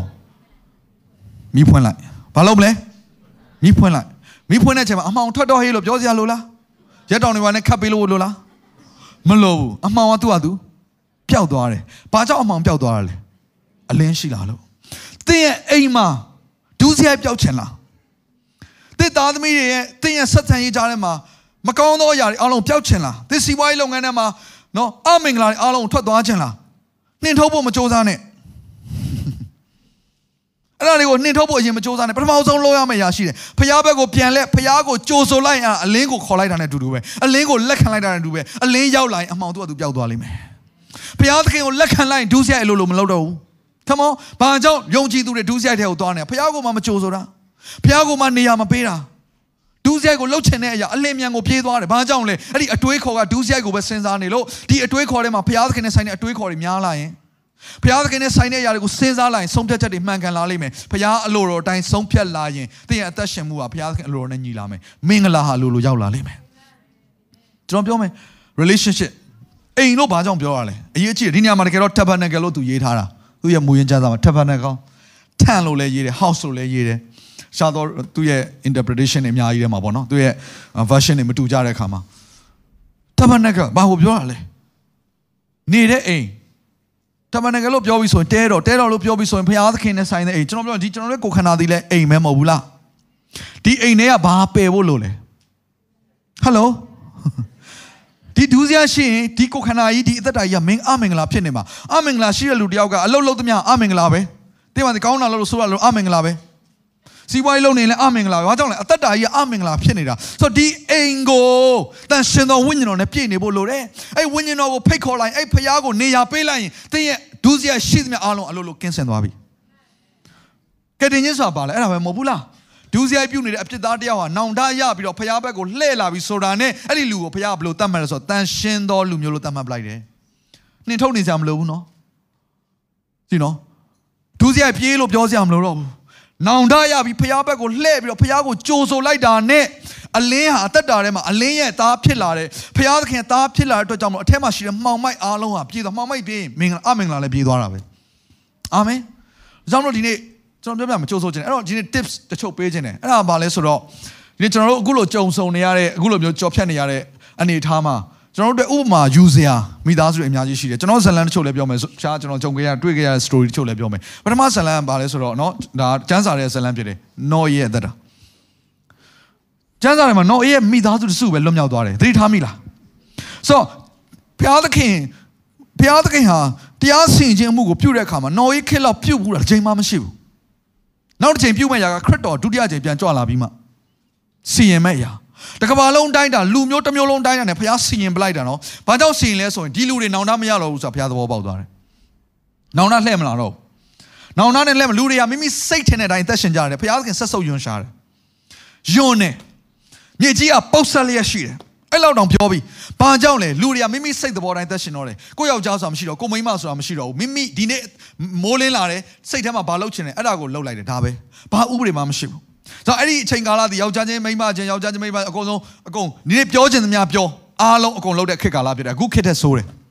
ဒါပေမဲ့သတိထားမိလားနော်ကြီးမှာသားသုံးအောင်ရှိတယ်သူ့မှာချွေးမဘယ်နှယောက်ရှိတယ်ကျန်းစာဘယ်နှယောက်လို့ပြောတယ်ချွေးမသား3ယောက်ချွေးမဘယ်နှယောက်လဲချွေးမ6ယောက်လားဟယ်လိုချွေးမလည်းဘယ်နှယောက်ပဲလဲသူ့သား1ယောက်မှာမိန်းမ1ယောက်ပဲရှိတယ်တလင်တမယားစနစ်နော်ဘယ်ခေတ်ကာလမှာလဲ နော်ဤခေတ်ကာလမှာအဆိုးဆုံးချိန်ကာလမှာကဘာပေါ်မှာဖြစ်ခဲ့သူဖူးသမျှအဆိုးဆုံးချိန်ကာလမြင်အောင်ကြည့်ပါတောတုံနဲ့ဂေါမောရာအဲ့ချိန်တော့ကဘာလုံးတိုင်းတာနဲ့ဖြစ်နေတယ်ဒါလေးပဲစဉ်းစားကြည့်လိုက်တောတုံနဲ့ဂေါမောရာလိုမျိုးပုံစံမျိုးနော်ဤခေတ်ကာလမှာကဘာလုံးတိုင်းတာနဲ့ဖြစ်နေတယ်ကွက်ကွက်လေးပဲကြံတယ်ဘယ်သူပဲကြံဆိုနော်ဤနဲ့မိသားစုဘုရားသခင်ကနော်ယေကိုစပြီးတော့သင်မောမဆောက်ခင်ဆောက်ဖို့ရန်စပြောပြီးတော့ကဘာကြီးကိုစပြီးတော့သူဖြည့်စီတော့မပြောချင်မှာနှစ်120စပြောတဲ့ချိန်ကနေပြီးတော့ရေလွှမ်းမိုးတဲ့ချိန်နှစ်120 အဲ့ဒီချိန်မှာနော်ယေကစပြီးတော့သင်မောမဆောက်သေးဘူးပထမဦးဆုံးသူ့ရဲ့သားအကြီးစမွေးရသူ့ရဲ့အသက်900မှာစပြီးတော့မွေးတယ်သူ့ရဲ့အသက်900မှာစပြီးမွေးတယ်ပြီးတော့နောက်ထပ်တစ်ယောက်မွေးတာနှစ်နှစ်ချားပြီးတော့နောက်ထပ်တစ်ယောက်မွေးတာရှေမနောက်ဆုံးကြမှာနော်ဟာမသူ့ရဲ့သားအငယ်မွေးလာတယ်ဆိုတော့ဒီသားတွေမွေးပြီးတော့တခါသူတို့ကို raise up လုပ်ရသေးတယ်သူ တို့မနောက်ဆုံးเนาะပြောမလို့အင်မနမဆိုတဲ့အချိန်ဖခင်ကเนาะသူတို့ကိုအာသင်မောဆောက်ကန်ဆိုတော့ကျွန်တော်ကျွန်တော်ကျမ်းစာကိုလေ့လာတဲ့ခါမှာဘာတွေ့ရလဲဆိုတော့သင်မောဆောက်တဲ့ကြာတဲ့เนาะအချိန်ကာလဟာတဲ့ဘယ်အချိန်ဘယ်လောက်ထိရှိမလဲဆိုတော့250နဲ့85နှစ်ကြာမှရှိတယ်တဲ့သူရဲ့ study ရပေါ့ research လုပ်တဲ့ခါမှာဆိုတော့ရင်လွှမ်းမိုးခြင်းဖခင်ကရင်လွှမ်းမိုးမယ်လို့စပြောတဲ့အချိန်မှာဖခင်ဘယ်လောက်ထိအခွင့်အရေးပေးလဲဆိုတော့နှစ်100နှစ်120အခွင့်အရေးပေးပလိုက်တယ် နှစ်120နှစ်120ပြည့်ရင်ကရေလွှမ်းမိုးမယ်ဆိုတော့သင်္ဘောဆောက်ခိုင်းတယ်ဆိုတော့အဲ့မှာစပြီးတော့သူသင်္ဘောဆောက်ဖို့ပြင်ဆင်တာပေါ့မဆောက်သေးဘူးဒါပေမဲ့ကလေးအစမွေးလာပြီးတော့နောက်ဆုံးပြောဆိုကလေးတွေကလည်းကြီးလာတယ်နော်သူတို့တွေအိမ်အောင်ပြုတ်တဲ့အချိန်ရောက်လာတယ်အဲ့ချိန်မှာဖခင်ကသင်္ဘောဆောက်ပါလို့စပြီးတော့ပြောတဲ့အချိန်မှာဆိုတော့ပြောရမယ်ဆိုရင်နော်စုစုပေါင်း250နဲ့85နှစ်ကြားထဲမှာသင်္ဘောဆောက်ချိန်ကြားတယ်ဆိုတော့ဒီလူတွေမြင်မြင်အောင်ကြည့်ပါကျွန်တော်အဲ့ချိန်ကာလလေးကိုကျွန်တော်ခံစားမိတယ်နော်အင်းနဲ့သူ့ရဲ့မိန်းမဟာဒီသားသုံးယောက်ကိုငငယ်တွေကဘယ်လိုများတုံတယ်လဲမသိဘူးမိန်းမတစ်ယောက်ပဲရှာလာတယ်သူ တို့မိန်းမတွေကလည်းအမေဒူးဆိုင်ထဲမသွားဘူးနော်ရောက်ခမနဲ့တူသူတို့ရဲ့လင်ယောက်ျားတွေနဲ့တူဖျားသခင်ခိုင်းတဲ့အမှုတော်ဒီဟူသောသင်မောဆောက်ခြင်းအလုပ်ကိုတနေ့လမ်းမဟုတ်နှစ်နှစ်လမ်းမဟုတ်ဆယ်နှစ်လမ်းမဟုတ်နှစ်90 85နှစ်လောက်ကြာအောင်အဲ့လုပ်ကိုပဲလုပ်တာ come on သူတို့ရဲ့အသက်ရှင်ခြင်းအားလုံးကျွန်တော်ပြောမယ်အဲ့လိုပြောလို့သူတို့ဟာဘာစီးပွားရေးလုပ်ငန်းမှမလုပ်ဘူးလို့ပြောတာမဟုတ်ဘူးနော်သူတို့စားဖို့တောက်ဖို့လုပ်လိမ့်မယ်စိုက်ပျိုးလိမ့်မယ်ဆိုစီးပွားရှာလိမ့်မယ်အဲ့ဒါတွေအားလုံးဟာသင်မောဆောက်ဖို့ ဒီကုမ္ပဏီလှုပ်လှုပ်နေတယ်အားလုံးဟာဖရားမှုဆောင်ဖို့ဟယ်လို come on ဆိုတော့ကျွန်တော်ပြောမိဘတွေကကျွန်တော်တို့ရဲ့သားသမီးတွေကိုကျွန်တော်တို့ရဲ့သားသမီးတွေကိုတုံတဲ့အခါမှာဟာဆရာဝန်ကြီးဖြစ်ဖို့အင်ဂျင်နီယာဖြစ်ဖို့မြန်မာပြည်မှာဆိုအဲ့ဒါအရန်ခက်စားဆရာဝန်ကြီးဖြစ်ဖို့အင်ဂျင်နီယာကြီးဖြစ်ဖို့မြန်မာပြည်ဆင်းရဲတဲ့နိုင်ငံဆိုတော့အဲ့လိုဖြစ်မှာပဲကောင်းစားမယ်လို့ထင်တာလေကိုကလည်းဆေးရုံခဏခဏသွားတဲ့လူဆိုတော့ဆရာဝန်တွေကောင်းစားတာမြင်တာဟုတ်ကိုသားသမီးတို့လည်းအဲ့လိုပဲဖြစ်စေချင်တယ်လေအင်ဂျင်နီယာကြီးဆိုရင်ချမ်းသာမယ်ထင်နေတာဘဝပြတ်တဲ့အင်ဂျင်နီယာကြီးလည်းတပုံကြီးပဲ ဘဝပြတ်နေတဲ့ဆရာဝန်တွေလည်းတပုံကြီးပဲကျွန်တော်ပြောမယ်ဘုရားသခင်ကြောက်ရွံ့ခြင်းအရေးကြီးဆုံးဖြစ်တယ်ဆရာဝန်ဖြစ်ပြီးတော့မှအင်မတန်ချမ်းသာတဲ့လူဖြစ်ပြီးတော့မှဒုစရိုက်လမ်းထဲမှာရှောက်နေအသင့်သားသမီးဖြစ်နေမှာဆိုသင်ပြောနိုင်မလားတနေ့ကျရင်စဉ်းစားပါသေးချာတော့ကျွန်တော်လာမယ်ကျွန်တော်ပြောကျွန်တော်သားသမီးတွေဘုရားကိုကြောက်ရွံ့ဖို့ပထမပဲ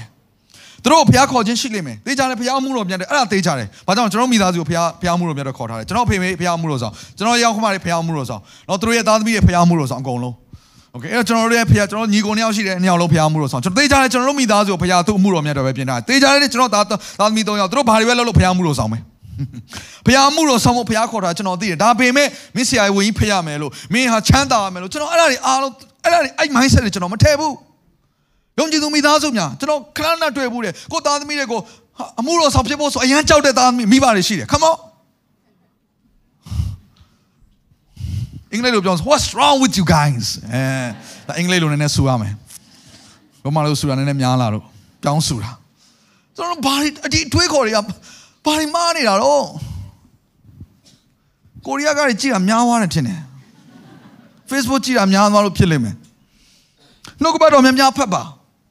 ဖျားအမှုတော်ဆောင်ခြင်းကအကောင်းဆုံးသောလုပ်ဖြစ်တယ်လူတိုင်းကိုဖျားအမှုတော်ဆောင်ဖို့ခေါ်ထားတယ်သင်စီးပွားရေးလုပ်တာဖျားမှုတော်ဆောင်တဲ့ဖြစ်တယ်သင်ဆရာဝန်ဖြစ်နေတာဖျားမှုတော်အတွက်ဖြစ်တယ်သင်အင်ဂျင်နီယာဖြစ်နေတာဖျားမှုတော်အတွက်ဖြစ်တယ် come on သင်ဘာအလုပ်လုပ်လုပ်ဖျားအမှုတော်အတွက်ဖြစ်တယ်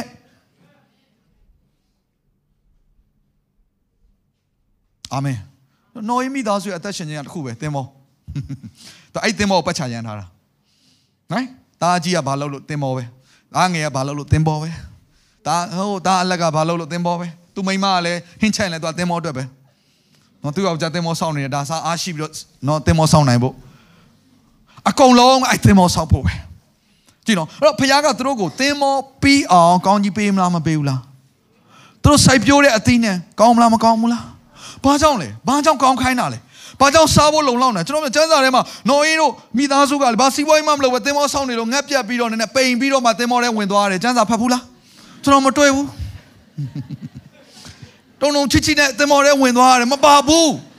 အဆင်ပြေပြေဝင်သွားတယ်ဟာလေလုယာဝမ်းမြောက်ရှင်လန်းစွာဝင်သွားတယ်အာမင်သင်တို့ထက်အသက်ရှည်တယ်အဲ့အုပ်စုကဘာစီဝိုင်းမှမလုပ်လုံရင်လည်းလုံမယ်ဒါပေမဲ့အဲ့ဒါအားလုံးကပြောချင်တာဘာအတွက်ပဲလဲသင်မောအတွက်ပဲဒါကိုပြောချင်တာသူတို့သားသုံးယောက်မိသားစုအသက်ရှင်တယ် လီလင်မယားနဲ့ဘာအတွက်ပဲလဲသူတို့လီလင်မယားနဲ့သူတို့ပေါင်းဖော်တာသင်မောအတွက်ဘုရားမှုတော်အတွက်စဉ်းစားပါညီကောင်မောင်တို့ကဒီမှာလူငယ်တွေလည်းအများကြီးရှိတယ်အိမ်အောင်ပြုတ်တဲ့အခါမှာစဉ်းစားပါဟာဟိုနိုင်ငံထွက်မှာဒီနိုင်ငံထွက်မှာကျွန်တော်နိုင်ငံတကာရောက်ပြီးသွားပြီကျွန်တော်မျိုးသမီးရောက်ပြီးသွားကျွန်တော်ကြားတဲ့သတင်းတွေအားလုံးကကျွန်တော်ပြောမယ်ကရင်နေဒီထဲမှာကရင်လည်းအများစုရှိတယ်အမေရိကမှာဂျွန်ပစ်နေတဲ့ကရင်တွေအများကြီးပဲတွေ့ခဲ့တယ်ဒီကကွန်ရဟိုထိရောက်တယ်အမေရိကန်အရန်စိတ်ပြတ်တယ် အလုပ်ထဲမှာလုံးလို့မရဘူးသူတို့လုံးတဲ့နော်ကရင်တွေအများစုလုံးရတယ်ဟိုရောက်သွားတဲ့ခါမှာ refugee ကသွားတဲ့ကရင်တွေအများစုလုံးရတဲ့နေရာကအသားဆက်ယုံနေမှာအသားတွေခိုးရတယ်ထင်းရတယ်ဒီလိုအမျိုးဆက်ယုံမှာတန်ရှင်းရန်ကျူဆိုင်တယ်တကက်ကိုလုံးဝအဲ့ချိန်မှာကွန်းနေနဲ့အလုပ်ပြန်ဖြိုးရတယ်အလုပ်အလုပ်မပေးချင်ဘူးဟိုရောက်ပြီးသွားတော့မှအဲ့သူတို့နေတဲ့တိုက်ခန်းတွေမှာပဲသူတို့နေတဲ့နေရာတွေမှာပဲနော် relationship ဘိုင်းဆိုင်ရာပြဿနာတွေတက်နေတာတခါလေယောက်ျားကတခါအလုပ်သွားတဲ့ချိန်မှာဒီမိန်းမကတခါနောက်ထပ်နောက်ထပ်ဟိုဘက်ခန်းတယောက်နဲ့သွားပြီးတော့အိမ်နေတာမျိုး ဟာရန်ဖြစ်ကြကရင်ဂန်စတာတွေအများကြီးတွေ့ခဲ့တယ်ရှိတယ်သူတို့သူတို့သတင်းတွေကြားခဲ့တယ်တွေ့တော့မတွေ့ခဲ့ဘူးတွေ့လည်းမတွေ့ချင်ဘူးဘုရားကျောင်းမှာတွေ့ရင်တော့မစိုးဘူးအပြင်မှာတော့မတွေ့ချင်ဘူးကျွန်တော်နိုင်ငံခြားရောက်လို့အမေရိကရောက်မယ်လို့အဆင်ပြေသွားမယ်မထင်နဲ့နော်ကိုနိုင်ငံသွားပြီးပညာသင်မှ အဆင်ပြေသွားမယ်လို့ကျွန်တော်ပြောမသွားနဲ့လို့ကျွန်တော်ပြောတာမဟုတ်ဘူးနော်မတင်နဲ့လို့ပြောတာမဟုတ်ဘူးနော်အဲ့လိုလုံးမအဆင်ပြေမယ်လို့သင်မထင်နဲ့ကျွန်တော်ပြောဖရားသခင်တင်တဲ့တာမှာမရှိရင်သင်ဘယ်နိုင်ငံရောက်အဆင်မပြေဘူးအဆင်မပြေဘူးကျွန်တော်အပြတ်ပြောရတယ်ဖရားတင်တဲ့တာရောက်လာရင်ဘယ်နိုင်ငံမှာမနေနေအဆင်ပြေတယ်ဘလို့အချိန်တွေမှာပဲနေနေသင်ချီးမွမ်းနိုင်တယ်။ဘာကြောင့်ဖရားသင်ထဲမှာရှိနေပြီ။ဒါကြောင့်ကျမ်းစာကဘာပြောလဲ။အဲ့ဒီဖရားသင်သုံးတဲ့ရွှေငွေရတနာဖြစ်လာလိမ့်မယ်တဲ့။ဟာလေလုယာ။အာမင်။ဟာလေလုယာ။ ထိုအခါနန္ဒတကိုးရှင်သည်သင်၌ရွှေရတနာသင်သုံးရသောငွေဘဏ္ဍာဖြစ်တော်မူလိမ့်မည်။ကျွန်တော်ပြောပြမယ်ဒီဖရားသခင်ကျွန်တော်ကောင်းကြီးပေးခြင်းနဲ့ဖရားဖြစ်တဲ့ဆိုနားလေစေခြင်းနဲ့အာမင်။အာမင်။တော့ဒီဖရားကိုယုံကြည်တဲ့ယုံကြည်ခြင်းကိုတေချာနှုတ်ကပတ်တော်တိဆောက်ပါတွေးခေါ်နဲ့တိဆောက်ပါ။ဒီအတွေးခေါ်ဒီအတွေးခေါ်ဘယ်ဘာအတွေးခေါ်လဲနှုတ်ကပတ်တော်ထည့်ထားတဲ့အတွေးခေါ်အထူးသဖြင့်အိမ်တော်ဦးစီးများဘသူတွေပြောယောက်ျားတွေကိုပြောနေတာခက်တာလေအသင်းတော်တိုင်းမှာမိမအပို့ပို့များနေတယ် ကျွန်တော်ရောက်တဲ့နေရာတိုင်းမှာဆရာစောတရားရဲ့ယောက်ျားတွေတို့လည်းတရားဟောပေးပါအောင်ဆရာမိမတွေဘက်ကကြီးပဲလိုက်လိုက်တရားဟောနေတယ်ဟောရတယ်ဘာကြောင့်လဲအမျိုးသားကပို့ပြီးတော့ခွန်အားကြီးတယ်အုပ်စိုးနိုင်တဲ့လူဖြစ်တယ်ပြီးတော့ဗိုလ်ကြတဲ့လူတွေဖြစ်တယ်သူကဗိုလ်ကြတဲ့ခါမှာကျန်းစာနဲ့ဗိုလ်ကြတာအေးဖက်ကိုသူကယူပြီးတော့ဗိုလ်ကြတာအမျိုးသမီးအမျိုးသားဝန်ခံရမယ်အမျိုးသားအုပ်ဆိုးတဲ့ခွင့်ဖျားပေးထားတယ်မဲတော့ကျန်းစာနဲ့ကင်ပြီးတော့ပို့ကြတာမဟုတ်ဘူးအဲကျန်းစာမလာခင်မှာဘာလာလဲသိလား အချင်းချင်းတယောက်အောက်တယောက်ကိုကိုနှိမ်ချကြတော့တယ်ပြီးတော့မှအမျိုးသမီးအမျိုးသားဝန်ခံကြကြည့်နော်အမျိုးသားကအမျိုးသမီးကိုအုပ်ဆိုးခွင့်ဖျားမပေးခင်မှာတယောက်အောက်တယောက်နှိမ့်ချပါဆိုလာတယ်ပြီးတော့အမျိုးသားကအမျိုးသမီးကိုဝန်ခံပါဆိုတဲ့အရာဟာဘယ်ကလဲကျွန်တော်ဘာကြောင့်ဒါပြောနေသိရတာ relationship ကအိမ်ကပဲစတာနော်အိမ်ကပဲစတာအိမ်မှာပြဿနာတက်အကုန်ပြဿနာတက်တာပဲနော်ဒါမှတုတ်တန်ကျမ်းထဲမှာတစ်ခုရှိတယ်သားသမီးနဲ့ပတ်သက်တာ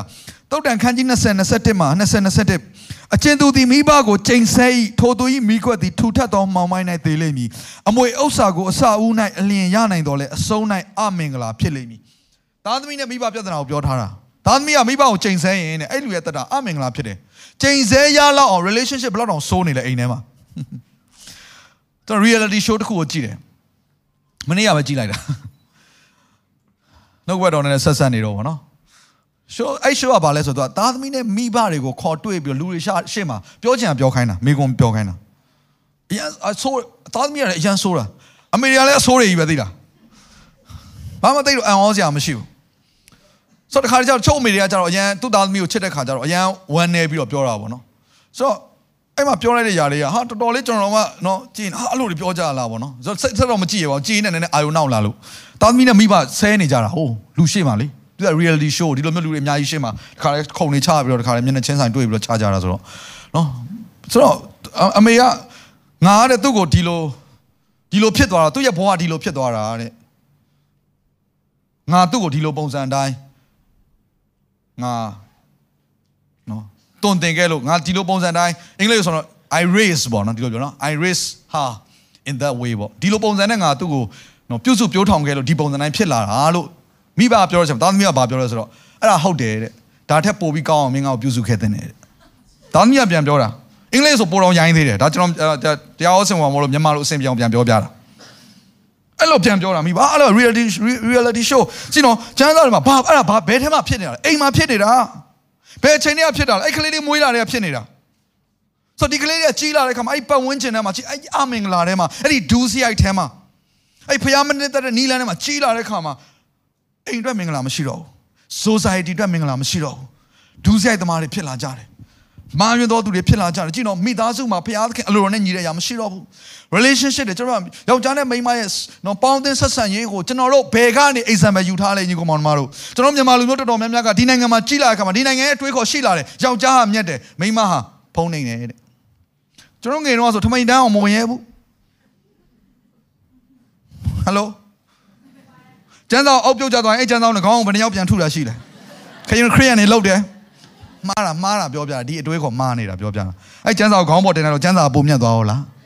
သူကဆိုမတော်တဆပြုတ်ကြတယ်လေ come on so this is a book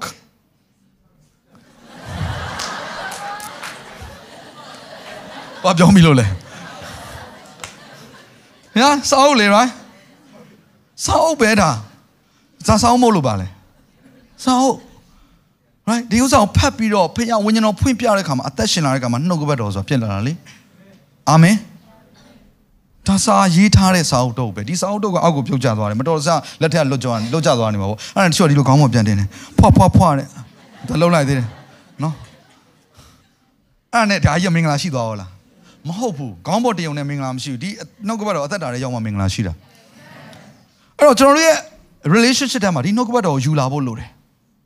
ကျွန်တော်ဒီຢာနဲ့ပတ်သက်ပြီးတော့ကျွန်တော်ပြီးခဲ့တဲ့တစ်ခါကတရားဟောပြီးသွားပြီမိသားစုလင်မယားနှစ်ယောက်ကြားထဲမှာရှိတဲ့ relationship ဟာ example ကကျွန်တော်ပတ်ဝန်းကျင်ကယူလို့မရဘူးကိုရီးယားကယူလို့မရဘူးရုပ်ရှင်မင်းသားမင်းသမီးတွေရဲ့ relationship ကယူလို့မရဘူးအခုမြန်မာပြည်ရုပ်ရှင်မင်းသားမင်းသမီးတွေဘာတွေပြောနေပြီလဲ living together အဆင်ပြေတယ်တဲ့အဲ့ပိုကောင်းတယ်တဲ့ပြောနေပြီနော်အခုပြောနေပြီနာမည်ကြီးမင်းသားမင်းသမီးစပြောနေပြီဟုတ်တယ်တဲ့အဲ့လိုနေမှာပါတယောက်တယောက် နော်ဒါနိုင်ငံခြားမှာလို့နိုင်ငံခြားနိုင်ငံခြားရဲ့အလေးလာကိုကြိုက်တာတော့မဟုတ်ပါဘူးတဲ့ဒါပေမဲ့အဲ့လိုလေးကပိုအဆင်ပြေတယ်တဲ့သူလည်းအဲ့လိုပဲနေတယ်တဲ့အဲ့ဒါကိုလည်းသတင်းမီဒီယာတွေအရင်တော့ဆိုမပြောရဲဘူးနော်အခုဆိုအတကုံဖွင့်ပြတာဆိုအခုကျွန်တော်တို့အားလုံးအဲ့ဒါတွေကိုမြင်ရမယ်ကြားရမယ်ဖတ်ရမယ်ဘာလို့ထင်လာမလဲလူငယ်တွေရဲ့နှလုံးသားထဲမှာစိတ်ထဲမှာသူတို့ရဲ့အတွေးခေါ် form လုပ်တဲ့ချိန်မှာဘလို့ထင်လာမလဲနှုတ်ကပတ်တော်ကိုဒီထဲမှာမတူထားဘူးဆိုရင် မဖတ်ဘူးဆိုရင်နှုတ်ကပတ်တော်မဟောဘူးဆိုရင်တော့ကျွန်တော်ဒီအသင်းတော်မှာ relation ကြောင့်တော်တော်များများပြောဖြစ်တယ်ဘာကြောင့်ပြောဖြစ်တာအထူးသဖြင့်ကျွန်တော်တို့လင်မယားတွေကပိုပြောဖြစ်တယ်ဘာကြောင့်ပြောဖြစ်တာလဲအရေးကြီးလို့မပြောလို့မရတော့ဘူး right များများပြောဖြစ်တယ်ဘာကြောင့်လဲအသင်းတော်တွေမှာမပြောအသင်းတော်တွေမှာတိတ်မပြောရရနှစ်ခုရှိတယ် relationship ရဲ့ငွေကြေးကြောင့်မပြောဘူးအဲတော့ကျွန်တော်တို့အဲ့ဒါကိုပို့ပြီးတော့နော်အထူးသဖြင့်နှစ်နှစ်လောက်ရှိပြီပို့ပြီးတော့ပြောဖို့ကျွန်တော်တို့ဆုံးဖြတ်တယ်နောက်ပိုင်းကျရင် topic ပြောင်းရင်လည်းပြောင်းသွားမှာဒါပေမဲ့ဒီဟာအင်တာမအရေးကြီးလို့ဆိုတော့လင်မယားနှစ်ယောက်ကြားရဲ့ relationship ကဘာကိုဥပမာပြုရလဲခရစ်တော်နဲ့အသင်းတော် အရင်တော့ကကျတော့အာရနဲ့အေဝါလေဖခင်ယောက်ျားတစ်ယောက်နဲ့မိန်းမတစ်ယောက်ဘလို့အတူသွားရမလဲဆိုအာရနဲ့အေဝါနဲ့ဖခင်ပြချင်တာအာရနဲ့အေဝါကအပြစ်ထက်ကိုရောက်သွားတဲ့ခါကျတော့ကြည့်စရာမရှိတော့ဘူးဆိုတော့လူတွေကမိမိစိတ်ထင်တဲ့အတိုင်းသွားတော့ယောက်ျားအားရှိတယ်လေမိန်းမကိုညှင်းဆဲတာပေါ့ကြုံပြုတ်တာပေါ့အနိုင်ကျင့်တာပေါ့အဲ့ဒါတွေအားလုံးက society မှာရောက်လာခဲ့တယ်နောက်ပိုင်းမှာ religion တွေပေါ်လာ religion ကလည်းဘာပဲဦးစားပေးလဲယောက်ျားယောက်ျားယောက်ျားမြတ်တယ်ယောက်ျားမြတ်တယ်မိန်းမမမြတ်ဘူးဒီလိုပဲပြောတာဒါပေမဲ့ကျွန်တော်ပြောပြမယ်မိန်းမကိုလည်းခရစ်တော်ကသူ့အသက်ပေးပြီးတော့ကယ်တင်ခဲ့တယ်မိန်းမရဲ့တန်ဖိုးကခရစ်တော်နဲ့အတူတူပဲ ညင်းလို့မရအောင်ဟဲ့အဲ့ဒါအမှန်ပဲခရစ်တော်ဒီသူ့ရဲ့အသက်သူ့ရဲ့အသွေးကိုတွန်းလောင်းပြီးတော့ကယ်ခဲ့တာယောက်ျားတစ်ယောက်တည်းကိုကယ်ခဲ့တာမဟုတ်မိန်းမကိုလည်းကယ်ခဲ့တယ်ဒါကြောင့်အားလုံးရဲ့လူတိုင်းရဲ့တန်ဖိုးဟာဘယ်သူနဲ့ထပ်တူခရစ်တော်ကိုရတဲ့လူတိုင်းရဲ့တန်ဖိုးဟာဘာနဲ့ထပ်တူညီလဲဆိုတော့အဲခရစ်တော်ရဲ့အသက်နဲ့ထပ်တူထပ်မြတ်တန်ဖိုးရှိတယ်။ဖခင်တန်ဖိုးကြည့်တဲ့အခါမှာအဲ့လိုပဲတတ်မှတ်တာမဟုတ်ဘူးလား။ဒီဖုန်းတော်ရဲ့တန်ဖိုးကို10သိန်းလို့တတ်မှတ်တယ်ဆိုရင်ဒီဖုန်းဘယ်လောက်တန်လဲလို့မေးတယ်ဆိုရင်10သိန်းလို့ပြောမှာပဲ။ဘာကြောင့်လဲ10သိန်းနဲ့ဝယ်ထားလို့ တင့်ကိုခရစ်တော်ကသူ့အသက်ပေးပြီးရွေးဝယ်ထားတယ်လို့ပြောတာကိုချမ်းစာထဲမှာဟုတ်တယ်မလားသူ့ရဲ့အသက်နဲ့ပေးပြီးတော့ရွေးဝယ်ထားတယ်တင့်တန်ဖိုးဘာလဲပြောဘယ်လိုပြောမလဲတင့်တန်ဖိုးခရစ်တော်နဲ့အတူတူပဲ။တင့်သားသမီးနဲ့ခရစ်တော်အတူတူပဲ။တင်းရဲ့အမျိုးသမီးလည်းတူတူပဲတင်းယောက်ျားလည်းတူတူပဲကြည့်တော့အဲ့တော့ခရစ်တော်နဲ့တန်ဖိုးချင်းတူတူဖြစ်နေတဲ့အခါမှာဒီအရာကိုတယောက်တယောက်နှိမ့်ချဖို့ပဲရှိတယ်ဆိုတော့ကျမ်းစာထဲမှာအေးဖက်ထဲမှာအရင်ဆုံးလာတာကတယောက်တယောက်နှိမ့်ချပြီးတော့မှအမျိုးသားကအမျိုးသမီးအုပ်ဆုံးအမျိုးသမီးကဝန်ခံဒါပေမဲ့အဲ့လိုမျိုးဝန်ခံလို့ပြောပြီးသွားတဲ့အချိန်မှာပဲ နောက်ထပ်ကျမ်းပိုက်တစ်ပိုက်မှာအမျိုးသားတည်သွားတယ်ဘာလို့လဲသိလားခရစ်တော်ဟာအသင်းတော်ကိုချစ်တဲ့ကဲ့သို့လို့ခင်မွန်းတယ်မှာလဲအချင်းယောက်ျားတို့သင်တို့ရဲ့ခင်မွန်းကိုလည်းခရစ်တော်အသင်းတော်ကိုချစ်တယ်လို့ချစ်ကြပါတဲ့ခရစ်တော်အသင်းတော်ဘယ်လိုချစ်လဲအသက်ဆုံးပြီးချက်တယ်အဲ့တော့ယောက်ျားအုပ်စိုးခွင့်လည်းပေးလေးပေးပြောသူတည်သွားအောင်အဲ့တော့တည်သွားတဲ့လူကိုဝန်ခံရတာပို့လွယ်တယ်လေအမျိုးသမီးများမဟုတ်ဘူးလားဟိုင်းဟုတ်ပါတယ်ဟုတ်ပါတယ်ဘာကိုပြောချင်တာလဲသိလား ခရစ်တော်ဟာအသင်းတော်ဒီဟူသောသရိုသမီးဖြစ်တဲ့သင်နဲ့ကျွန်တော်တို့သူ့ရဲ့ life ကိုလုံးလေးထောင်းအကုန်လုံးကိုစွန့်လွတ်ပြီးတော့အသက်ကိုပင်စွန့်တိတိုင်အောင်ချစ်တယ်လို့ပဲကျွန်တော်တို့ရွေးနှုတ်တော်ခရစ်တော်နောက်ကိုလိုက်တဲ့ကျွန်တော်တို့အသင်းတော်ဒီဟူသောသူတို့သမီးကလည်းမိမိအလိုဆန္ဒအားလုံးကိုညှင်းပယ်ပြီးတော့ခရစ်တော်ကိုမိမိရဲ့သခင် lordship တွေနဲ့ထားပြီးတော့နှိမ်ချခြင်းနဲ့ဝန်ခံခြင်းနဲ့သွားသလိုသူရဲ့ life တစ်ခုလုံးလည်းလေးထောင်းလောက်ရတာလေကျွန်တော်ခရစ်တော်နောက်ကိုလိုက်တယ်ဆိုတာတစ်ဖက်မှာလည်းရေနောက်တစ်ခါလည်းမိစားတစ်ဖက်နောက်တစ်ဖက်လည်းရေရေမုတ်တစ်ဖက်ကင်ပြီးတော့သွားလို့ရတာမဟုတ်တာ come on right နတ်ဆိုးစပွဲနဲ့ဖျားသခင်စပွဲအတူစားပြီးသွားလို့ရတာမှမဟုတ်တာဖျားနောက်ကိုလိုက်မယ်ဆိုထားကိုထားခဲ့ရမှာအဲ့တော့ဘာလို့ကျွန်တော်တို့ဒီမိမိရဲ့ဆွဲလန်းခြင်းနဲ့တက်မှတ်ခြင်းနဲ့အားလုံးကိုလေးတောင်အကုန်လုံးထားခဲ့ပြီးမှခရစ်တော်နောက်ကိုကိုရောရဲ့ lordship ဆိုတဲ့သခင်ဖြစ်ခြင်းကိုဝန်ခံပြီးလိုက်ကြတာလေနေ့ရက်တိုင်းမှာ right အဲ့ဒါလင်မယားနဲ့ယောက်ျားတဲ့ relationship ကိုပြောနေတာ။ကြောင့်မလို့ယောက်ျားသည်ဘာအတွက်လဲ။သူ့ရဲ့သရိုသမီးကြီးဟူတော့ကိုယ့်ရဲ့ဇနီးတဲ့တိုးပွားဖို့ရန်သူနော်သူ့ရဲ့သူရှင်လန်းဖို့ရန်နော်သူဟာ နိုတန်ရှင်းသောသူဖြစ်လာဖို့ရန်သူဟာတင့်တယ်သောအထရေရှိသောသူဖြစ်လာဖို့ရန်သူရဲ့ life တစ်ခုလုံးလေးတောင်လုပ်ပြီးတော့ serve လုပ်ရတယ်လို့ပဲအမျိုးသမီးသည်လည်းသူ့ရဲ့ခင်မွန်းတဲ့ကိုခရစ်အသင်းတော်ကခရစ်တော်ကိုဝန်ခံတယ်လို့ဝန်ခံခြင်းနဲ့ချစ်ခြင်းနဲ့ယိုသေးခြင်းနဲ့ကြောက်ရွံ့ခြင်းနဲ့တုံ့လှုပ်ခြင်းနဲ့တုံ့လှုပ်ခြင်းနဲ့ကြည့်နော်ဘာတယောက်တယောက်နှိမ့်ချပြီးဒီလိုသွားတာတလုံးတော့ရတယ်သွားတာအာမင်အာမင်ချို့ရပြောတယ်ဆရာတဲ့ကျမ်းစာထဲမှာလည်းပါတယ်လေတဲ့ ယောက်ျားတွေကိုဝယ်နာမည်ရေးထားတယ်မိန်းမတွေကိုစင်ရင်မသွင်းထားဘူးတဲ့ခရစ်တော်ရဲ့မျိုးစင်စက်ကိုဖတ်ဖို့ရလားမသိဘူးကြော်ကြော်ဖတ်တဲ့ဟာမတ်သဲမှာပါတယ်အခန်းကြီး1မှာဖတ်ကြည့်အမျိုးသမီးတွေအကုန်ပါတယ်ဟာဆရာမဟုတ်သေးဘူးလေတဲ့မုံငါးလုံးနဲ့ငါးနှခုံမှာအမျိုးသားကြီးပဲ9000လို့ရေးတာအမျိုးသမီးစင်ရင်မထည့်ဘူးဘာကြောင့်မထည့်ရသိလားတလုံးတော့ရတယ်ဖြစ်နေလို့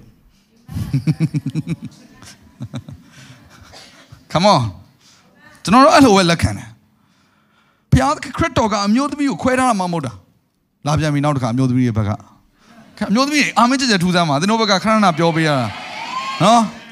အာမရှိလိုက်တာအစတွေအမျိုးသားတွေကသူတို့တက်မဟောပေးလို့ဆိုမညစ်တတ်ပါဘူးမကျင်တတ်ဘူးဖြစ်နေတာ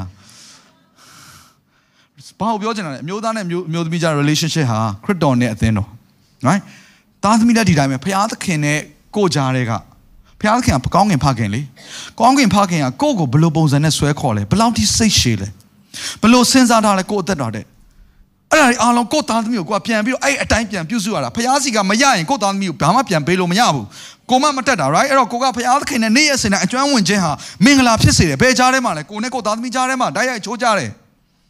တိုင်းရချိုးကြတယ်သင်ဟာခရစ်တော်နောက်ကိုလိုက်တယ်လို့ပဲသင်ဟာသင်ရဲ့ဇနီးတဲ့ကိုပြန်ပြီးတော့ဘယ်လိုပုံစံနဲ့နော်ကျွေးမွေးပြုစုရမလဲဆိုရရဥဆောင်ရမလဲဆိုရရသဘောပေါက်သွားတယ်ဘယ်ကလာလဲခရစ်တော်နဲ့အသင်းတော်ကြားတဲ့အသင်းတော်လို့ပြောတဲ့အခါမှာသင်ကိုပြောနေတာသင်နဲ့ဖခင်သခင်ကြားတဲ့က relationship နဲ့တိုင်းရချိုးကြတယ် ကြောင့်မကောင်းကြီးမင်္ဂလာဘာနဲ့တိုက်ရိုက်ချိုးကြလဲဘုရားသခင်ရဲ့ relationship နဲ့အာမင်အဲ့တော့ကျွန်တော်ဘုရားသခင်ဂုဏ်ပြုတဲ့မိသားစုတွေအများကြီးတွေကနောက်ထပ်မိသားစုတစ်ခုယောရှုယောရှုဟာဘာကြောင့်ထူးထူးခြားခြားငါတို့မင်းတို့တော့သူကတိုင်းတိုင်းပြည်တစ်ပြည်လုံးတိုင်းတာနဲ့ကြီးညာတာမင်းတို့တော့မသိဘူးငါကတော့ငါရဲ့ငါနဲ့ငါအိမ်သူအိမ်သားဖြစ်တယ်ဆိုရင်ငါတို့ကထာဝရဘုရားကိုပဲကိုးကွယ်မယ်အခုဒီမှာငါတို့တိမ့်ထားတဲ့မြေမှာဒီမြစ်ကြီးရဲ့တစ်ဖက်မှာရှိတဲ့ဖျားတွေအများကြီးရှိတယ် မင်းတို့ရွေးကြပါငါနဲ့ငါအိမ်သူအိမ်သားကတော့ထာဝရဘုရားကိုပဲကိုးကွယ်မယ်ဘလားဘာကြောင့်ဒီလောက်ထိတနိုင်ငံလုံးတိုင်းတာနဲ့ကြွေးကြော်နိုင်တာလဲတခါတည်းမတ်တက်ရက်ပြီးတော့ကြွေးကြော်နိုင်တာလဲကြည့်တဲ့အခါမှာယောရှုရဲ့အသက်တာဘုရားရဲ့မျက်မှောက်တော်ထဲမှာသွားလာတဲ့အသက်တာဖြစ်တယ်အသက်ကြီးသောသူတွေကတောင်ပေါ်ကပြန်ဆင်းသွားတယ်ယောရှုမဆင်းသွားဘူးမောရှေနားမှာနေပေးတယ်ဘယ်အချိန်ထိနေပေးလဲပြန်ထွက်မလာမချင်းဘယ်ထဲကနေလဲဘုရားရဲ့မျက်မှောက်တော်တောင်ထိပ်ကနေပြီးတော့ဆင်းမလာမချင်း မောရှေအမှားမသွားဘူးနော်ငါရက်40နေပြန်လာမယ်မှားမသွားဘူးဝင်ချသွားတာရက်40ကြာသွားတယ်တင်းနဲ့ကြောင်သွားဆိုစဉ်းစားမှာပဲ3ရက်လောက်နေရင်တော့อืมအချိန်နေမကောင်းတော့တောင်ပေါ်မှာတိတ်တိတ်မမိုက်သေဝါကြီးထင်တယ်အောက်မှာလည်းအာယုံတို့အဖွဲ့ရှိတယ်လူတွေအများကြီးပဲပြန်ဆင်းပြီးတော့ငါတို့တခုတော့တိုင်ပင်မှဖြစ်မယ်လို့စဉ်းစားမှာယောရှုကလုံးဝအဲ့လိုမျိုးမလုပ်ဘုရားမျက်မှောက်တော်ရှိနေတယ်သူသဘောပေါက်တယ်အထဲမှာသေလားရှင်လားသူမသိဘူးလုံးဝမသိဘူး စားစရာလည်းယူသွားတာမဟုတ်ဘူးဟိုကအစာမစားရေကုန်မတောက်ဖဲနေတဲ့မောရှေကဘုရားရဲ့ရှေ့မှာရက်40နေတယ်တဲ့အစာမစားရေကုန်မတောက်ဖဲနဲ့စဉ်းစားကြည့်ဘုရားမျက်မှောက်တော်ထဲမှာပဲအဲ့ဒါဖြစ်နိုင်တယ်ဆိုတော့ဘုရားမျက်မှောက်တော်အဲ့ထဲမှာရှိနေ तू သိရ तू တခင်တော့ तू तू ယူလာလေ तू ကနောက်လိုက်လေ तू ကလက်ထောက်လေအစားအစာနဲ့ရေပါတယ်လေဒါပေမဲ့ဟိုမှာအစားအစာနဲ့ရေမယူဘဲနဲ့ဝင်သွားတာချက်ချင်းပြန်ထွက်လာမလို့ तू ကထင်မှာပေါ့ပထမတော့အစားအစာတွေမှယူမသွားတာဒါပေမဲ့ဟိုမှာရက်40ကြာနေပြီရက်40ဆိုတာကဒါကျွန်တော်တို့နောက်ဆုံးမှသိလို့ရက်40 तू ကတော့တရားပြီးတယ်တရားပြီးတယ်တရားပြီးတယ်အေးဆေးပဲစောင့်နေတော့မယ် မောရှေပြန်ထွက်လာတဲ့ခါကျမှ तू ကဆင်းလာတာဆိုသူ့ရဲ့ခေါင်းဆောင်ကို तू ဝိညာဉ်ရသူ့ကိုဖျားပေးထားတဲ့ခေါင်းဆောင်ကို तू တန်ဖိုးထားသောသူဖြစ်တယ်ချစ်တဲ့လူဖြစ်တယ်သစ္စာရှိတဲ့လူဖြစ်တယ်လို့ဘုရားရှင်မျက်မှောက်တော်ကိုဆွဲလန်းတော်သူဖြစ်တယ်ဘယ်မှာတွေ့ရလဲဆိုရင် तू ကသူ့ရဲ့သခင်ကိုပထမသူ့ရဲ့ခေါင်းဆောင်ကိုဆွဲလန်းတာထက် तू နောက်ဆုံးမှ तू ဘာကိုပို့ပြီးဆွဲလန်းလာလဲဆိုရင်ဘုရားရှင်မျက်မှောက်တော်ကိုပို့ဆွဲလန်းတယ်ထွက်မြောက်အောင်ကျမ်းမှာဘာတွေ့ရလဲဆိုရင်ထွက်မြောက်ရာကျမ်းခန်းကြီး33မှာအငယ်9ကနေစဖတ်မယ်ဆိုရင် မောရှေသည်တဲတော်ထဲသို့ဝင်ပြီးမှမိုးတိမ်တိုင်ဆင်းသက်၍တဲတော်တကားဝါ၌ရက်သဖြင့်ထာဝရဘုရားသည်မောရှေနှင့်နှုတ်ဆက်တော်မူ၏တဲတော်တကားဝါ၌မိုးတိမ်တိုင်ရက်နေသည်ကိုမြင်လင်လူအပေါင်းတို့သည်ထား၍အသီးသီးမိမိတို့တဲတကားဝါ၌ကိုးကွယ်ကြ၏ထာဝရဘုရားသည်အဆွေခင်ပွန်းခြင်းကိုနှုတ်ဆက်တတ်သည့်ဤသူမောရှေနှင့်မျက်နှာချင်းဆိုင်၍နှုတ်ဆက်တော်မူ၏မောရှေသည်တက်ထဲသို့ပြန်ဝင်သောအခါသူ၏လက်ထောက်နှုံ၏သာယောရှုမြည်သောလူလင်သည်တဲတော်မှမထွက်ဖက်နေဝါ အရင်တော့ကတော့သူ့တခင်ပဲသွားသွားလိုက်တာမရွေ့ဘူးရက်လေးစားအောင်စောင့်တဲ့ပုံကအခုဘုရားမျက်မှောက်တော်လဲရောက်လဲရောက်မောရှေကထွက်သွားပြီလိုက်မသွားဘူးမျက်မှောက်တော်အာဆိုအဲ့လိုမျက်မှောက်တော်ထဲမှာဘုရားရှင်ကိုတန်ဖိုးထားတယ်လို့ဘုရားကိုဆွဲလန်းတဲ့ဘုရားနဲ့မိတ္တာရဖွဲ့ဘုရားရဲ့ဘုရားသခင်နဲ့အကျွမ်းဝင်ခြင်းရှိတဲ့လူကတနေ့မှာဘာဖြစ်လာလဲဆိုရင်အဲ့ဣသရေလတနိုင်ငံလုံးကိုဥဆောင်တဲ့ခေါင်းဆောင်ပြဘုရားရွေးလာတယ်။ဘာကြောင့်လဲဘုရားရဲ့မျက်မှောက်တော်ဆွဲလန်းတော်သူဖြစ်တော့ဘုရားဗိတ်သိက်တော်သူဖြစ်တယ်။ အဲ့လူကနောက်ဆုံးဒီလောက်တိုက်ပွဲတွေအားလုံးတိုက်ပြီးသွားတဲ့အခါမှာဟေးအားလုံးမင်းတို့တော့ကြိုက်တာယူငါကတော့ငါရဲ့အိမ်နဲ့ငါနဲ့ငါနဲ့ငါအိမ်သူအိမ်သားတော့ထာဝရဘုရားကိုပဲကိုးကွယ်မယ်။အပြတ်ကျင်ညာရဲကျွန်တော်တို့ယုံကြည်သူတွေကစားတော့ဆိုင်မှာတော့မှကျေးဇူးတော်ချီးမွမ်းဖို့မကျင်ညာရဲဘူး။မတ်တက်ရပြီးတော့မှအတန်ကြကြတဲ့ကျေးဇူးတော်မချီးမွမ်းရဲဘူး။တိတ်တိတ်ငုံဘယ်သူမှမသိအောင်။နှလုံးအခိုးကြည့်လိုက်သေးတယ်။လက်ဖေးဆိုင်မှာတော့မှကျေးဇူးတော်မချီးမွမ်းရဲတဲ့ပုံကိုယ်တွေဒီကလူတွေပြောတာမဟုတ်ဘူးဒီကလူတွေပြောတာမဟုတ်ဘူးအပြန်အပြန် ဟာလေလုယာဖခင်အတွက်သက်ရှင်စမ်းပါအာမင်ကျွန်တော်စိတ်ဝင်စားတာဒီကြည်ကျမ်းစာထဲမှာယောဘ20ထဲမှာစိတ်ဝင်စားတာကရွှေကိုမြေမုံကဲ့သို့တိုးထားမှာပိုစိတ်ဝင်စားတယ်ကြောက်စစ်ခဲလို့သို့ထားမှာလည်းအရင်စိတ်ဝင်စားတယ်ဒါပေမဲ့အဲ့ဒါတွေအလုံးဘုရားထွက်လာတော့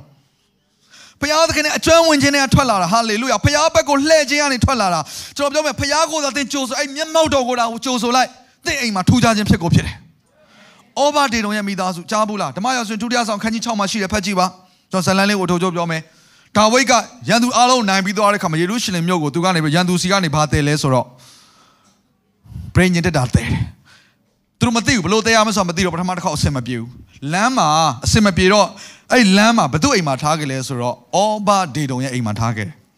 အဲ့ချိန်ဒီဩဘာဒေတုံအကြောင်းကျွန်တော်မသိဘူးဒါပေမဲ့ဩဘာဒေတုံအိမ်ကိုထားပြီးတဲ့အခါမှာ3လအတွင်းမှာနန်းတော်ကိုသတင်းပါရောက်လဲဆိုတော့ဘုရားသခင်ကတဲ့ဩဘာဒေတုံနဲ့သူ့အိမ်သူအိမ်သား သူ့အိမ်၌ရှိသမျှကို ကောင်းကြီးပေးတယ်သုံးလအတွင်းတော့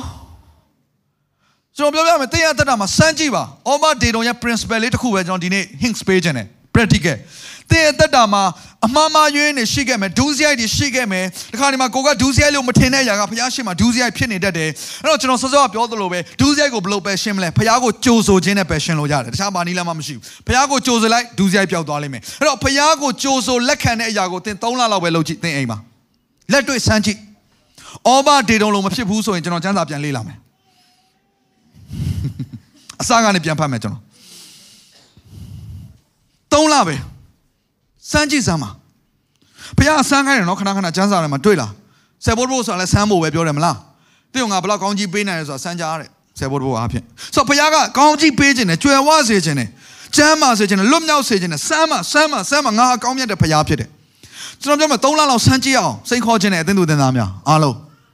တင်းအသက်တာမှာစီးပွားရေးပဲဖြစ်ဖြစ်လုပ်ငန်းပဲဖြစ်ဖြစ်အိမ်မှာပဲဖြစ်တင်းရဲ့အိတ်ခမ်းထဲကနေပြီးတော့တင်းရဲ့ဂတင်ကနေပြီးတော့ဘယ်သူမှမမြင်တဲ့ဂတင်ကနေပြီးတော့ဒူးစရိုက်တွေတင်းဖုန်းထဲကနေပြီးတော့ဒူးစရိုက်တွေကို3လလောက်3လလောက်ဖယ်ပြီးတော့ဖခင်နဲ့အကျွမ်းဝင်ကြီးစမ်းမှာတင်းသက်တာမပြောင်းလဲဘူးဆိုရင်ကျွန်တော်ကြိုက်သလိုပြောအာမခံတယ်ဘာကြောင့်လဲကျမ်းစာထဲမှာရေးထားလို့ဖခင်ကပြောရင်ပြောတဲ့အတိုင်းလုပ်တဲ့ဖခင်ဖြစ်တယ်အာမင်အောဘာဒေဒုန်နဲ့သူ့အိမ်၌ရှိသမျှအိမ်၌ရှိသမျှဆိုတော့တရိษံလည်းပါတယ်အဝိစားလည်းပါတယ်ဖနက်လည်းပါတယ် ဣသရေလလူမျိုးတွေကိုလည်းဘုရားသခင်နှစ်40ဖက်နှက်မပြတ်ခိုင်းမှုတဲ့ခန္ဓာရထဲမှာ shopping mall မရှိဘူးမိုးတိမ်တိုက်ပဲရှိတာ online shopping မရှိဘူး cloud တော့ရှိတယ်အဲ့ cloud က download လုပ်လို့မရအောင်အခုက cloud ခက်စားတယ်လေ internet မှာ မိုးတိမ်တိုက်တော့ရှိတယ်ဒါပေမဲ့ shopping mall မရှိဘူးဖခင်ကဘာလုပ်လဲကျန်းစာထဲမှာရေးထားတယ်သူတို့ရဲ့အဝတ်မပြတ်ဘူးတဲ့မပြတ်စည်းဘူးတဲ့မဟောင်းဘူးတဲ့နှစ်40နော်ဟာကပောင်မှာအကောင်းဆုံး brand ကအဲ့ဒီ brand ပဲနှစ်40အဝတ်မဟောင်းနှွမ်းတာဖခင်တပါးပဲလုပ်နိုင်တယ်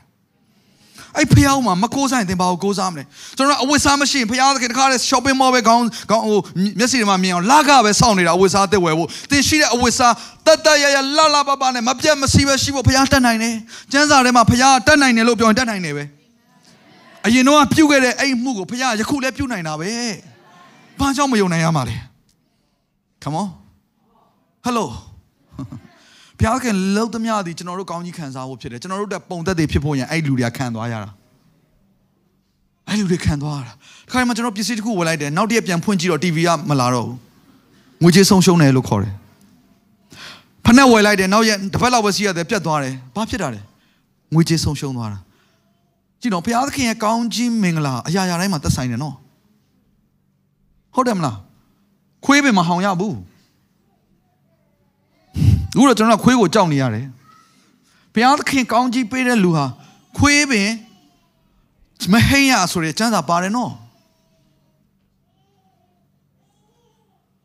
ဘာကိုပြောနေရလဲဖခင်ရဲ့ကောင်းကြီးမင်းလားအဲ့ပြော तू ပြောနေကြွယ်ဝခြင်းကိုပြောနေတာငါကောင်းစားခြင်းဆိုတာအဲ့ဒါကိုပြောနေတာငွေကြေးတစ်ခုတည်းကိုပြောနေတာမဟုတ်ဘူးကျွန်တော်တို့သုံးတဲ့ပစ္စည်းတွေမပြတ်မစီးမယုံမယွင်းတခိုးမခိုးဘူးတန်ကျေးပိုးရမဖြတ်စီးတဲ့အရာတွေဒီနေ့နော်အသက်တာထဲမှာမြေကြီးဘန်နာမှာပင်ဖခင်လုံနိုင်တယ် ဖခင်လုံနိုင်တယ်အာမင်ဘယ်နှယောက်ယုံလဲအဲ့ဒါကိုဟာဖခင်ကောင်းကြီးပေးတဲ့လူအများကြီးပဲကျွန်တော်ကျွန်တော်တွေ့ဘူးတယ်ကျွန်တော်ရဲ့တက်တာမှာလည်းဖခင်ရှင်ကြီးကျယ်လုပ်တယ်ကျွန်တော်ကအရင်တော့ဆော့ဆော့ပြောသူကျွန်တော်အင်မတန်မှလှုပ်ရှားခဲ့ရတဲ့လူဖြစ်တယ်ဘာမှမကြေရဘူးเนาะမိဘကျွန်တော်ကျွန်တော်ဖေမင်းယောက်ကเนาะကျွန်တော်ဖေဝန်ထမ်းဖြစ်တယ်ကျွန်တော်မိဘနှစ်ပါးလုံးကအမှုတော်အတွက်ဆက်ကတ်ထားတဲ့လူတွေဖြစ်တယ်ဆိုတော့ခါမှာတို့ရှိသမျှအားလုံးအမှုတော်အမှုတော်နဲ့နောက်ကစီးပွားရေးလုပ်တဲ့လူတွေမဟုတ်ဝန်ထမ်းဖြစ်တဲ့ကြောင့်မလို့ကျွန်တော်ဆင်းရဲတဲ့မိသားစုပေါက်ဖွာလာတယ် ဆိုငွေကြေးပိုင်းဆိုင်မှာဘာမှဘန်ဆိုတာလည်းမရှိဘူးအကောင့်ဆိုတာလည်းမရှိဘူး saving ဆိုတာလည်းမရှိဘူးစီးပွားရေးလုပ်ငန်းမရှိဘူးဆွေမျိုးအတိုင်းဝိုင်းချမ်းသာလူတောင်းမှမပါဘူးမိဘအောင်မိခိုလို့မရဘူးကျွန်တော်ပညာရုံဘာမှမိခိုလို့မရဘူးအဲ့တော့ကျွန်တော်ရုန်းကန်တယ်လှုပ်ရှားတယ်လှုပ်ရှားခြင်းလှုပ်ရှားတဲ့အတိုင်းပဲမိမိစ조사တဲ့အတိုင်းပဲလှုပ်ရှားခြင်းတွေအများရှိတယ်စီးပွားရေးလုပ်တဲ့အကျွေးတင်တယ်လှုပ်ရှားခြင်းရှိတယ်ညဘက်အိတ်မပြောကျန်းစာထဲမှာညဘက်တဲ့လာပြီးတော့တော့မှမချောက်လန့်ရဘူးတဲ့ ညဘက်အိတ်မပြောလောက်အောင်ချောက်လန့်နေတဲ့အရာတွေတင့်တက်တာမှကြုံရင်တစ်ခုပဲလုပ်ပါဘုရားပဲပြန်လှည့်ဘုရားပဲပြန်တခြားနည်းလည်းမရှိဘူးဆရာချာနီလန်တစ်ခုလောက်ပေးပါမရှိဘူးကျွန်တော်ဒီဆေးတစ်မျိုးပဲရောင်းတတ်တယ်ဘုရားသခင်အာမင်ဆိုတော့ကျွန်တော်အင်ဒိုနီးရှားကိုလွန်ခဲ့တဲ့2019ကသွားတယ်3နာရီထိုးတော့မယ်ဆိုတော့ကျွန်တော်ကျွန်တော်ကလေးလည်းကြိုးရမှာလေ3နာရီကြောင်းဆင်းနေဆိုတော့အဲကျွန်တော်နော်ဒီအားလေးတွေလည်းကျေးဇူးတင်တယ်ကျွန်တော်3နာရီလည်းပြီးရမယ် ဆိုတော့ကျွန်တော်ဒီဇလန်လေးပြောပြခြင်း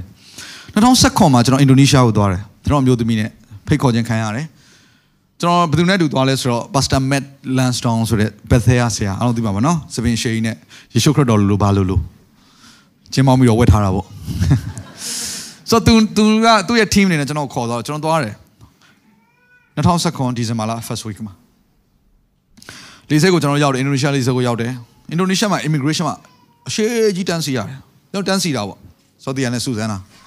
တန်းစီကြတယ်တန်းစီတဲ့အချိန်မှာလူတစ်ယောက်နဲ့နော်လူတစ်ယောက်နဲ့ရဲနှစ်ယောက်ရောက်လာတယ်စောတီယာပါစတာစောတီယာနဲ့ပါစတာစူဇန်နာလားအဲလိုလာမေးတော့နည်းတော့လန့်တာပေါ့နော်ရဲနှစ်ယောက်နဲ့ဆိုတော့ဘာလဲပေါ့မြန်မာပြည်ကတည်တယ်ကိုကမြန်မာပြည်ကသွားတာလေရဲအနာကလိုင်းလန့်နေရတဲ့နိုင်ငံဆိုတော့ဘာလဲပေါ့ဆိုတော့ okay passport ပေးဆိုတော့သူတို့ passport ပေးလာတယ်ကျွန်တော်ကလာကြိုတဲ့လူပါတဲ့အဲနည်းနည်း okay ပေါ့လာကြိုတဲ့လူဆိုတော့ passport ပေးဆိုတော့ကျွန်တော်မပေးဘူးအတင်း passport ကအရေးကြီးဆုံးလေနိုင်ငံခြားကြောင်းအဲ့ဒါပျောက်သွားရင်သွားပြီကိုကကလေးတော့ကကြံခဲ့တာလေဆိုတော့ passport ကအရေးကြီးဆုံးအဲ့တော့ passport လုံးဝမပေးချင်ဘူးပေးလိုက်ပါတယ်ဘာမှမဖြစ်ဘူးစိတ်ချကျွန်တော်ကျွန်တော်တာဝန်ယူတယ်ကျွန်တော်လာကြိုတာ okay ဆိုတော့ကျွန်တော်လိုက်သွားတဲ့ခါမှာ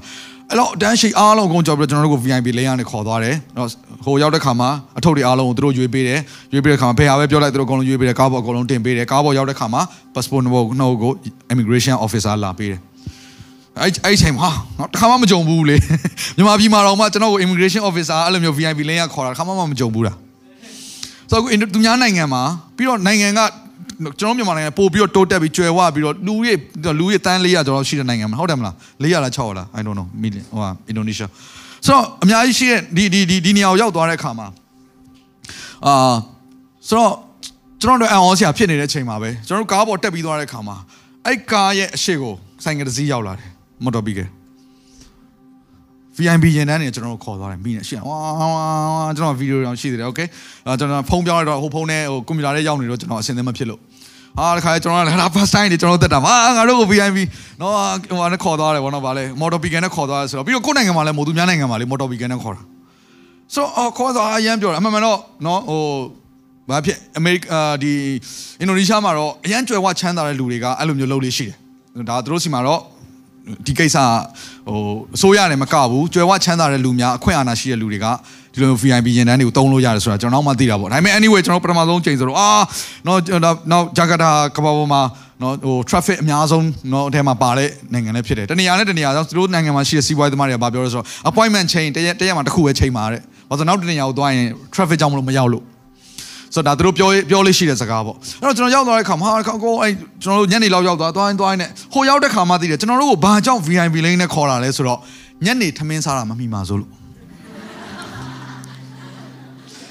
ဆိုဟိုရောက်တော့ခဏနားပြီးတော့တင်းုံဆရာဆောင်းပြီးတော့ကျွန်တော်တို့ကိုအဲ့မှာတခါတည်းနော်သူ့ရဲ့ဖះเจ้าမှာရှိတဲ့အခန်းထဲမှာတခါတကယ်ကိုသိချာကျွေးမွေးတယ်ဆိုတော့သူတို့လာပြီးတော့ချက်ပြုတ်ကျွန်တော်တို့ကိုစားဖို့ရန်ချက်ပြုတ်တဲ့ chef ကိုလည်းခေါ်ပြီးတော့မိတ်ဆက်ပေးတယ်အပြင်ကနေငှားထားတာ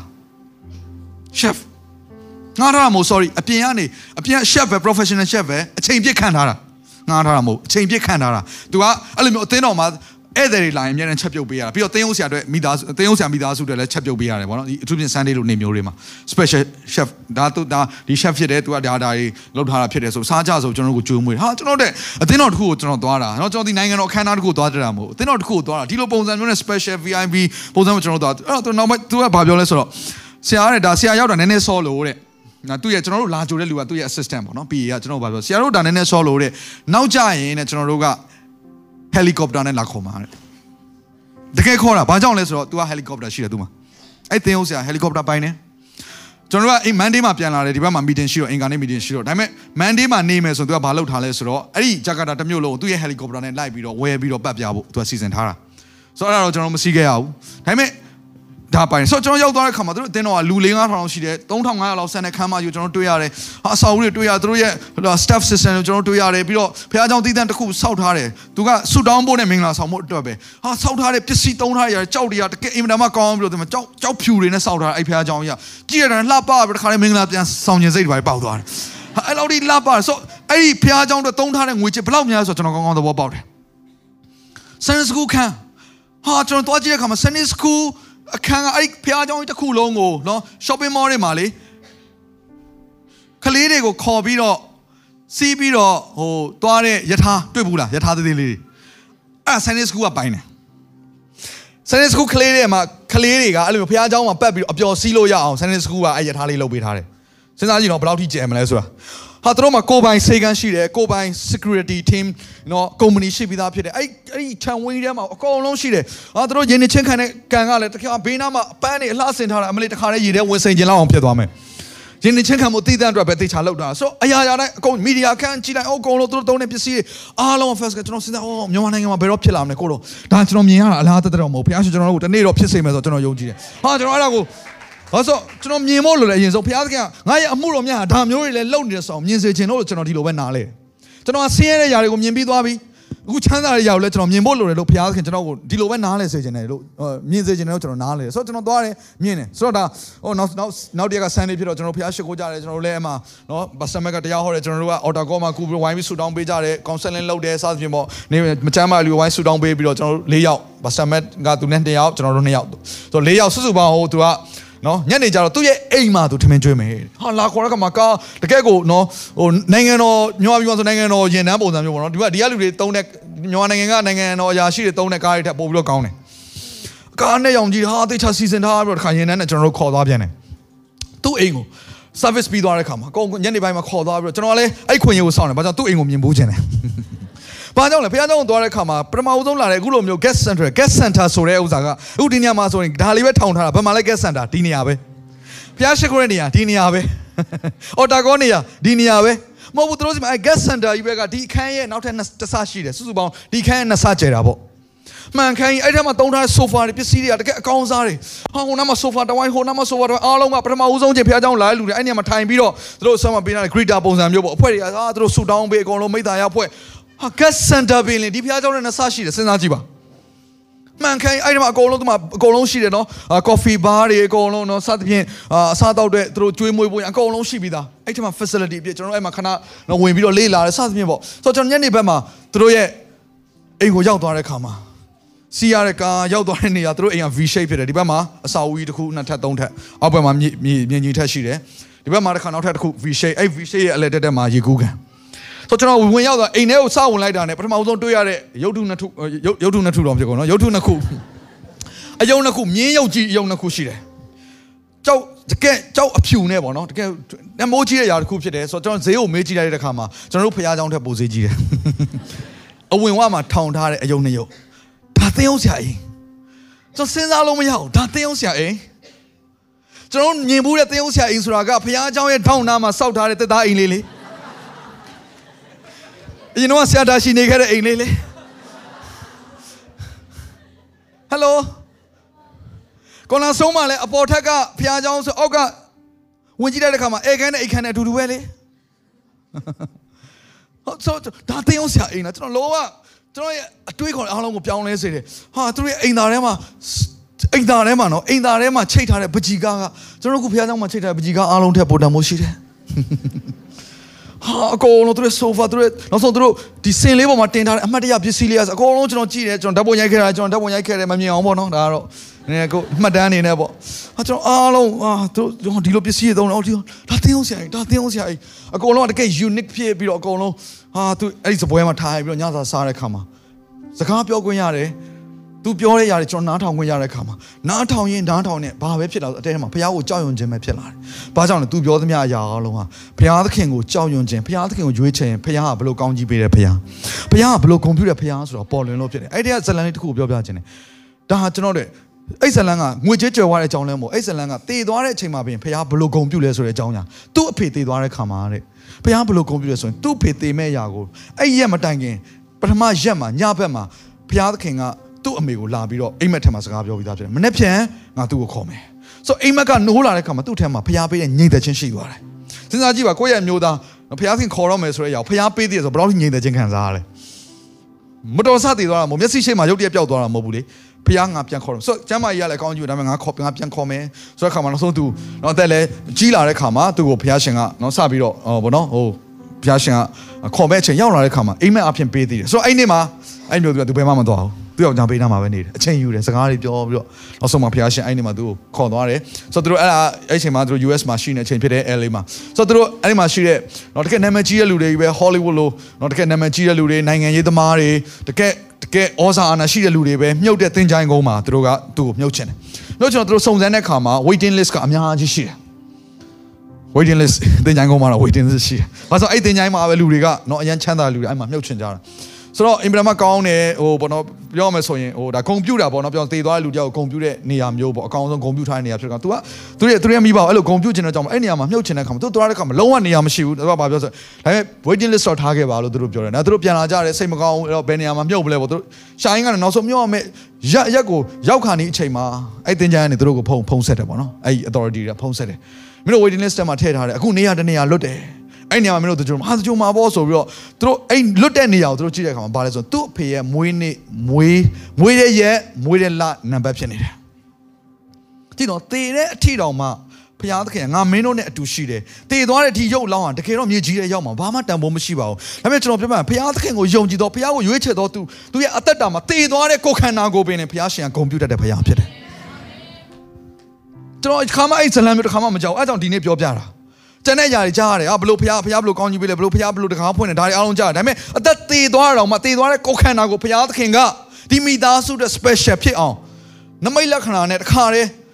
နော်အကောင်းဆုံးလုပ်ပေးတယ်ဆိုတော့အဲ့ဇလန်ကိုကျွန်တော်ကြားတဲ့အခါမှာဟာကျွန်တော်ဇလန်တွေအများကြီးပဲ तू ပြောတယ်ပြောပြောစဉ်းစားကြည့်2နာရီ3နာရီလောက်ပြောနေတာ तू တယောက်တည်းတိုင်ခံပြီးတော့ ကျွန်တော်မေးတယ်နားထောင်တယ်မေးတယ်နားထောင်တယ်မိသားရဖွဲ့တယ်ဟာသူတို့မိသားစုကျွန်တော်တို့အတူလာဆက်ပြီးတဲ့အခါမှာသူတို့အိတ်တိန်လုံးကိုလိုက်ပြတယ်ခိုင်အောက်မှာစတူဒီယိုကြီးလုပ်ထားတယ်သူ့သားကအမှုပညာနော်ဘာမှလည်းတရေသားဆိုတော့ဘာမှလည်းလုံးစရာမရှိတော့ဘူးလေတင်းအောင်စရာသားဆိုတော့တော့ဘာပဲဆိုတော့အခါတချင်းတွေပဲဖန်တီးပြီးတော့အခါစတူဒီယိုထဲမှာစတူဒီယိုအကောင်းဆုံးသူလုပ်ထားတယ်လိုက်ပြတယ်သူသူသူသူ့သားဖန်တီးထားတဲ့တချင်းတွေကျွန်တော်နားထောင်ကြတယ်အာစသဖြင့်ပေါ့နော်ကျွန်တော်အဲ့မိသားစုနဲ့မိသားဖွဲ့ပြီးကျွန်တော်တို့နောက်တည့်မန်ဒေးရောက်တဲ့ခါမှာကျွန်တော်လင်မြန်နဲ့ရောက်ပြန်လာတယ်အသက်တာပြောင်းလဲပြီးပြန်လာတယ် အသက်တာပြောင်းလဲပြီးပြန်လာကျွန်တော်ရဲ့အသက်တာတွေမှာအိုးဖယားကိုငါရွေးချင်အဲ့ဖယားကိုကြောက်ရွံ့အဲ့ဖယားဟာငါ့ပေါ်မှာသစ္စာရှိတဲ့ဖယားပဲငါ့ပေါ်မှာဂုံပြူတတ်တဲ့ဖယားဘယ်လောက်ထိအောင်ဂုံပြူလဲငါတေသွားရင်တော့မှဂုံပြူတဲ့ဖယားပဲငါရဲ့နာမည်ကိုလည်းဂုံတရင်နဲ့ဖယားသခင်ဘုံထင်ရှားစေအခုချိန်ကြီးကျွန်တော်တို့အာဗြဟံအကြောင်းကိုပြောနေရတယ်မဟုတ်ဘူးလားဣဇက်အကြောင်းကိုကျွန်တော်တို့ပြောနေရတယ်မဟုတ်ကျွန်တော်ဒါဝိတ်အကြောင်းကိုကျွန်တော်ပြောနေရတယ်မဟုတ်ဘူးလားကြည့်တော့တေသွားတော့မှအသက်ရှင်သေးတယ်တေသွားတော့မှတရားဟောနေသေးတယ် come on သင်ဖရားကိုရွေးချယ်မယ်ဆိုရင်အာမင်ကျွန်တော်ဒီနေ့ကျွန်တော်အားလုံးအားပေးခြင်းတယ်ကျွန်တော်ကိုယ်တိုင်ကြော်ဖြတ်ခဲ့ရတဲ့အသက်တာတွေမှာကြုံတွေ့ရကြတဲ့အများကြီးရှိတယ်ကျွန်တော်တို့မိသားစုဖရားကိုရွေးချယ်တဲ့အခါမှာမိသားစုတွေမှာတာသမီကိုလေ့ကျင့်တဲ့အရာကျွန်တော်ဇနီးမောင်နဲ့နှစ်ယောက်ကြားထဲမှာကျွန်တော်တို့ relationship ကိုဖရားရဲ့နီးလန်းတိုင်းတည်ဆောက်တဲ့အခါမှာအခုဆူဇန်နာမင်းကဖြစ်လာတာအရင်တော့ဆူဇန်နာမင်းကကလေးထိန်းတဲ့လူပဲ ကျွန်တော်တို့ထမင်းချက်ပေးရလူကျွန်တော်တို့အရာခတ်သိမ်းကိုအနောက်ကနေပြုစုပေးရလူဒါပေမဲ့ဖခင်နှုတ်ကပတ်တော်ကိုနားလာနားလေတဲ့အခါမှာကျွန်တော်သူ့အားပေးတယ်မဟုတ်ဘူးသွားပါငါတို့ညောင်အတူသွားရမှာဘာကျွန်တော်နှုတ်ကပတ်တော်ထဲမှာဒီလိုပဲပြောတယ်ဆရာမကတရားဟောကျွန်တော်ခဏခဏပြောတယ်ဆရာမစီအခွေထုတ်ခြင်းတဲ့လူမဟုတ်ဘူးတရားဟောခြင်းတဲ့လူမဟုတ်ဘူးအခွေကကျွန်တော်ပဲထုတ်တာသူကချင်းလေးပဲတက်ဆိုပေးတာအဲ့တက်ဆိုဖို့အချိန်ရောက်တဲ့အထိကျွန်တော်ပဲအကုန်စီစဉ်ရတာအားလုံးသိတယ်ဒီမှာမေးကြည့်အကုန်လုံးနော်ဆရာဆရာဒေးဗစ်ဘော်အကုန်လုံးကျွန်တော်နဲ့စီစဉ်တဲ့ဒီမှာအကုန်လုံးအကုန်လုံးရှိတယ်ကျွန်တော်လူတွေအကုန်လုံးဆရာမကအဲ့ဒီရက် တချင်းဆိုရမယ်သူ့အခွေရိုက်မယ်ဗီဒီယိုကင်မရာရိုက်မယ်အဲ့ရက်မှာသူကအဝတ်စားပြင်ပြီးအပေါ်တက်ပြီးဆိုတာဒါပဲ that's it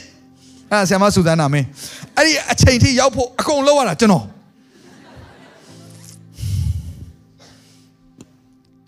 ဆိုကျွန်တော်တို့အားပြီမဟုတ်လောက်ပါငါငါငါတက်တယ်များနေငါပန့်ပိုးမယ်လောက်ပါလောက်ပါကျွန်တော်နှစ်နဲ့ချီပြီးတော့သူတရားဟောဖို့နှစ်နှစ်သုံးနှစ်ကျွန်တော်တွန်းအားပေးရတယ်လေ့ကျင့်ပေးရတယ်သူနဲ့ကျွန်တော် Bible study လုပ်တယ်လောက်ပါဖခင်ရှင်နေပေါ်မှာပိတ်သက်ရှိတယ်မဟုတ်ဘူးမတ်တက်ရရမယ်မဟုတ်ဘူးလေကျမ်းစာထဲမှာပြောတယ်နှုတ်ကပတ်တော်တရားမဟောရဘူးအမဟုတ်ဘူးလေရမှားနေတယ်နှုတ်ကပတ်တော်ပြန်ပြီးတော့ကျွန်တော်လေ့လာကြတယ်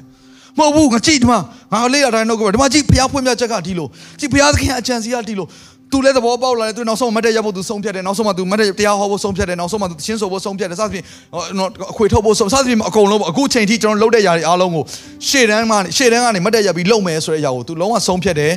ကျွန်တော်ကလည်းပြင်ဆင်ပေးတယ်စီစဉ်ပေးတယ်ပံ့ပိုးပေးတယ်အဲ့တော့ဘာဖြစ်လဲအခုကျွန်တော်နှစ်ယောက်လုံးအတူကြီးပွားနေတယ်အတူအတူတိုးပွားနေတယ်ဒါကိုပြောတာအတူကြီးပွားနေဆိုတာကောင်းစားနေတာအဲ့လိုမျိုးကျွန်တော်အတူတကွကြီးထွားနေတယ်နေ့ရက်တိုင်းမှာကျွန်တော်တယောက်တည်းရှေ့ကိုရောက်နေတာမဟုတ်ဘူး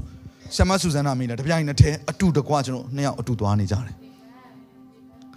ဘုရားအဲ့လိုဖြစ်စေချင်တာမိသားစုတိုင်းကို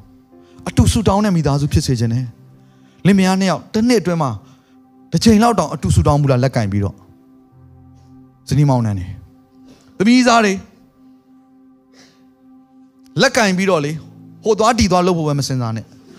လက်ကင်ပြီးရင်ဆူတောင်းဖို့စဉ်းစား သင်လက်တစ်ခါကင်ပြီးတစ်ခါဆူတောင်းရင်ဘလောက် powerful ဖြစ်တဲ့ relationship ဖြစ်မလဲမသိဘူးကျွန်တော်စဉ်းစားကြည့်တယ်လက်ကြတော့ခဏခဏကင်နေဆူကြတစ်ခါမှမတောင်းခေါင်းခေါအောင်မယ်သင်လက်ကင်တလောက်တာဆူတောင်းမယ်ဆိုရင်တကယ်ကိုနော်ဘုရားသခင်အကြီးကျယ်ကောင်းကြီးပေးမဲ့ဇုံတွဲဖြစ်လာမှာအာမင် come on မိမိအိမ်မှာဒူးဆိုင်ကိုပဲရှာလဲအာမင်မတ်တရအောင် ဒီအစီအစဉ်လေးအပြင်သင်ရဲ့အသက်တာမှာကောင်းကြီးဖြစ်မယ်ဆိုတာကိုကျွန်တော်ယုံကြည်ပါတယ်ဗီဒီယိုကြည့်ပြီးခံယူလို့သူများအတွက်အပတ်စဉ်တရားဟောခြင်းများ Bible Study ကြီးမွန်ကိုးကွယ်ခြင်းနဲ့အခြားသောအကြောင်းအရာတွေဟာသင်တို့အဆင်သင့်ရှိနေပါတယ် YouTube မှာ The City Space TV လို့ရိုက်ထည့်လိုက်တဲ့အခါကျွန်တော်တို့ကိုတွေ့ရှိမှာဖြစ်ပါတယ် Subscribe လုပ်ခြင်းအပြင်သင်နဲ့ထက်ချက်မကွာအမြင်ရှိနေပါပါဒါအပြင် Facebook မှာလည်း The City ရန်ကုန်လို့ရိုက်ထည့်လိုက်တဲ့အခါတည်င်းအချက်အလက်နဲ့ poster တွေကိုအချိန်နဲ့တပြေးညီတွေ့ရှိအောင်မှာဖြစ်ပါတယ်ခင်ဗျာ The City Podcast ကိုနားထောင်ကြတိုင်းဖျားသခင်ရဲ့ထူကြသောဖွင့်ပြချက်နဲ့ကောင်းကြီးမင်္ဂလာများခံစားမိကြောင်းကျွန်တော်ဆုတောင်းရင်ဤစီစဉ်လေးကိုဒီမှာပဲညှိနှိုင်းပါရစေခင်ဗျာ